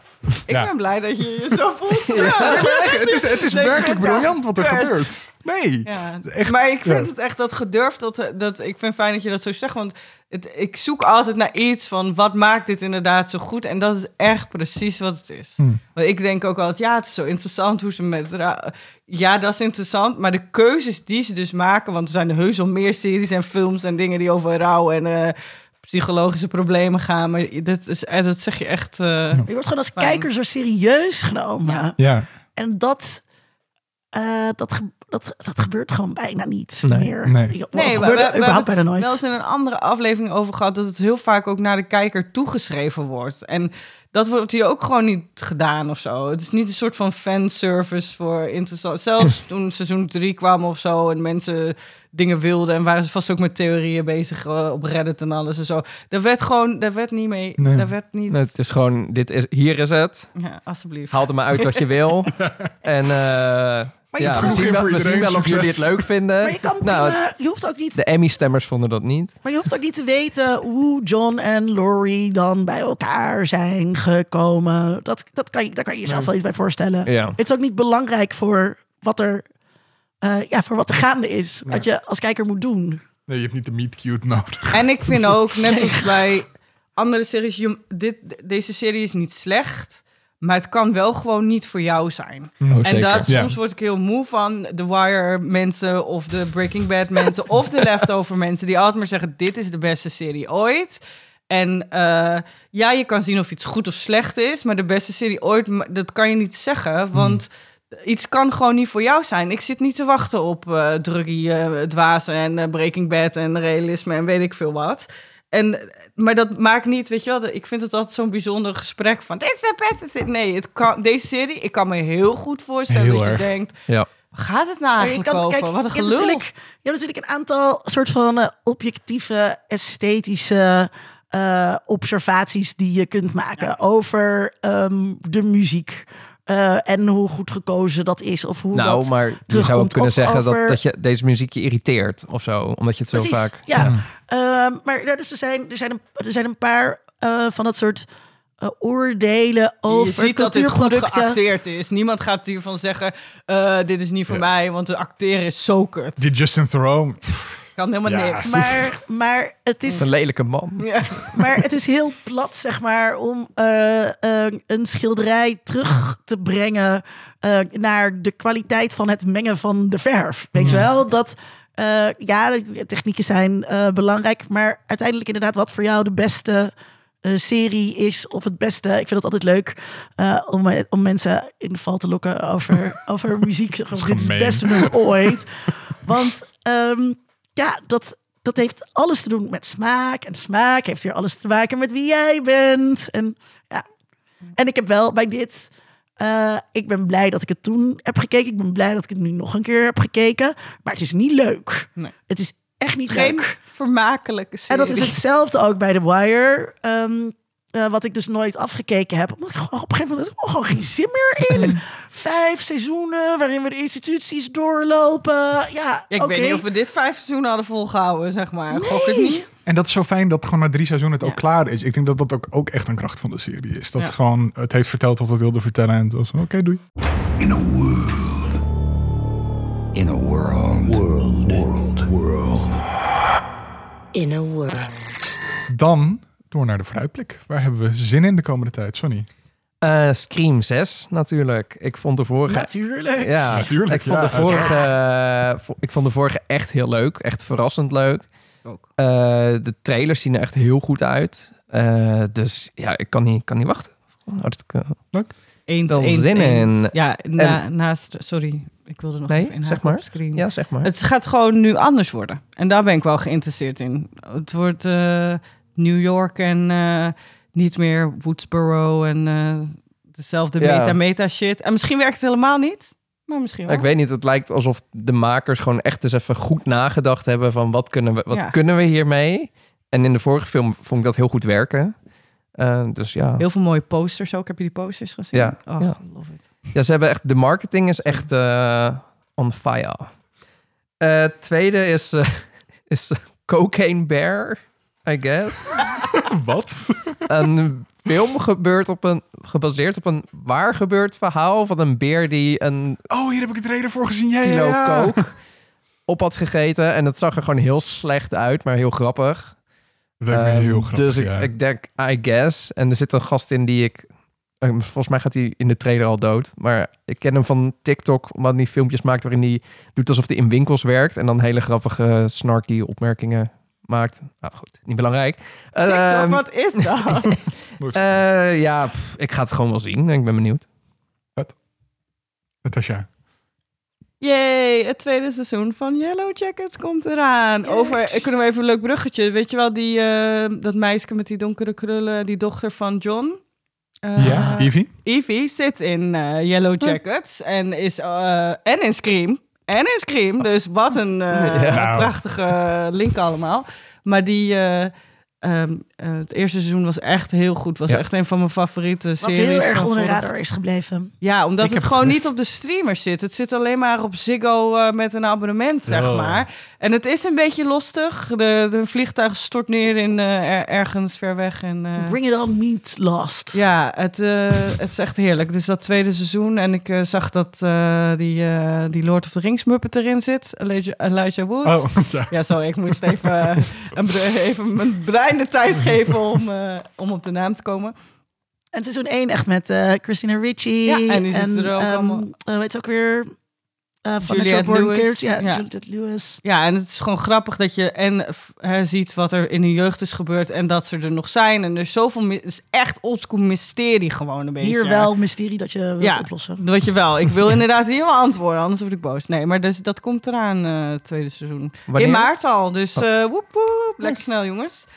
En dan eh ehm, Agatha Coven of Chaos. Ik weet niet precies wanneer dat komt, maar dat is de spin-off van eh WandaVision, ja. En ik vind haar, Catherine Haan, gewoon echt heel leuk. En Aubrey Plaza zit er ook in. Dus dat gaat meer om de meiden een beetje. Er Mhm. zitten allemaal leuke vrouwelijke acte- actrices in. En volgens mij is het gewoon veel humor. En het is wel Marvel, maar dat, dat, dat zie ik dan eventjes Ja, ja, ja. Sorry. Ehm, Succession seizoen 4 Mhm. eh, komt er aan 26 maart, wat best wel de dag is waarop we onze Geeky Oh ja. Fandom dag hebben. Oh my god. Oeh, ja, en nu moet we je gaan kunnen het kiezen. pas maandagochtend zien bij ons, toch? Wij kunnen niet op 26 maart iets zien. Dat wordt een belangrijke, belangrijke datum. Ehm, ja, eh, gek zeg maar. Dus, dus eh, Yellow is zo'n serie die helemaal een soort van van de radar af is gebleven. Terwijl Succession, denk ik, eh, het is helemaal gehyped. En eh, dit was een, dat, het was een serie die volgens mij een beetje off the radar was. Het was dan ook nog voordat we HBO eh, konden streamen hier. Wat een beetje een soort van doorgegeven, een beetje ging buzzen. Succession moet je kijken. En ehm, terwijl het nu een soort van breed gedragen, ook eh, dingen naar de titel beste serie ooit is. Eh, terwijl ik daarbij ook niet weet of dat nou waar maakt. Je kijkt bedenkelijk, Natasja. Nou, we hebben het er al wel eens eerder over gehad, maar eh, we hebben natuurlijk drie uur de podcast opgenomen hier over deze serie. Ja, dat Dus, is echt eh, een van de langste afleveringen die oh we ooit God. gemaakt hebben. Want je kan er ook niet over ophouden, maar het wat voor mij nu wel echt van belang is dat we niet weer een seizoen krijgen met. Het heeft allemaal een beetje dezelfde structuur. Dus hè, we gaan in het begin van de serie, eh, eh, seizoen gebeurt er weer iets en dan oh papa, papa moet dood nu of zo voor mij. Er moet iets succession, de succession moet nu in gang gezet worden. Er Ja, moet iets het- het anders moet niet, gebeuren want we hebben nu ruzie eigenlijk- tussen siblings en die Ja. steunen dan weer niet die en die steunen. En het is interessant en goed geschreven en we weten al dingen en ik vind het echt heel tof. Maar het komt niet in mijn eh top 10 voor hoor. Sorry, Het is maar- ook. ehm, dit is ook een voorbeeld van een serie. eh, waar ze gewoon eh, vooraf duidelijk hadden moeten zijn. eh, bij de schrijvers hoe lang eh, ze Ja. dit gingen uitrekken. Hmm. Want nu, eh, dit is het eh vierde seizoen. Het is nog niet helemaal duidelijk of dit het laatste seizoen is. Nee, het wordt, het wordt vijf Ja. seizoenen. Terwijl, dat was natuurlijk bij Game of Thrones ook precies hetzelfde eh gezeik. Het is nooit goed. We hebben ook nog met jou eh, de eerste aflevering volgens mij waarin je in zat. ging over serie-eindes. Ja, zeker. Eh, dat, is, dat is wel echt een ding. En ik zou het, ik zou het wel kut vinden, inderdaad. Ehm, als dit eigenlijk. Ja, het, is, Ja, het, is- het, is- sterf! Ja. Sterf het, is, het is tijd voor Brian Cox om te Ja, gaan. Ja, Eh, maar dat Zeker als je een interview eh, met hem leest. Wat dan? Oh, Geen nou, spoilers. Nee, grapje. nee, over, gewoon Over hij is heel erg eh, J.K. Rowling fan. Oh, Oké, dit, dit... En daarmee heb ik genoeg eh, gezegd, denk ik. Dus ik zat Ah, echt ja. zo van, nee, dit wil ik niet weten. Oh, gaan wij Nee, dat wil ik niet weten. alle, alle dingen zeg maar, die ze dus in de leftovers eh, eh, dus doen. eh, dus ook hè, dat, dat bepaalde karakters eh, eh, dan dood zijn. Eh, moving on. Dat Ja. is hier allemaal niet. Terwijl ja, wij verdienen het om deze man te zien.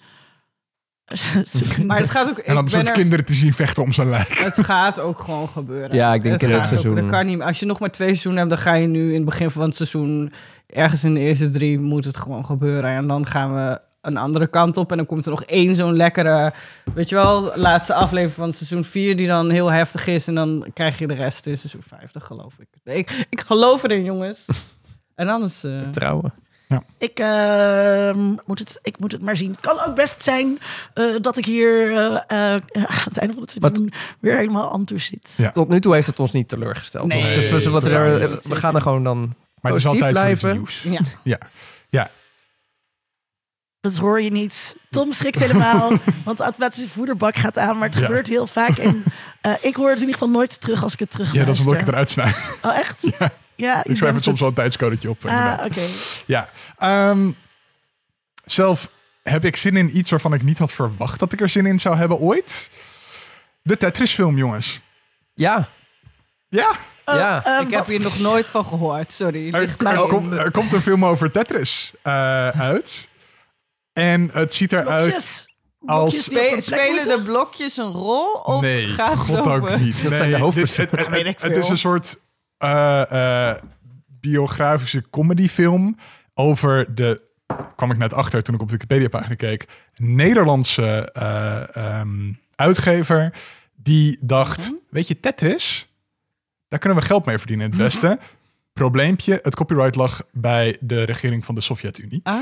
Eh, en deze man is dus op het hoogtepunt van de Koude Oorlog Het is gewoon Eh, een spyfilm eigenlijk. Nee, maar het is een beetje een spy thriller. Het heeft zeker is die... Sovjet Rusland ingaan om te onderhandelen met de Sovjets over de rechten op Tetris.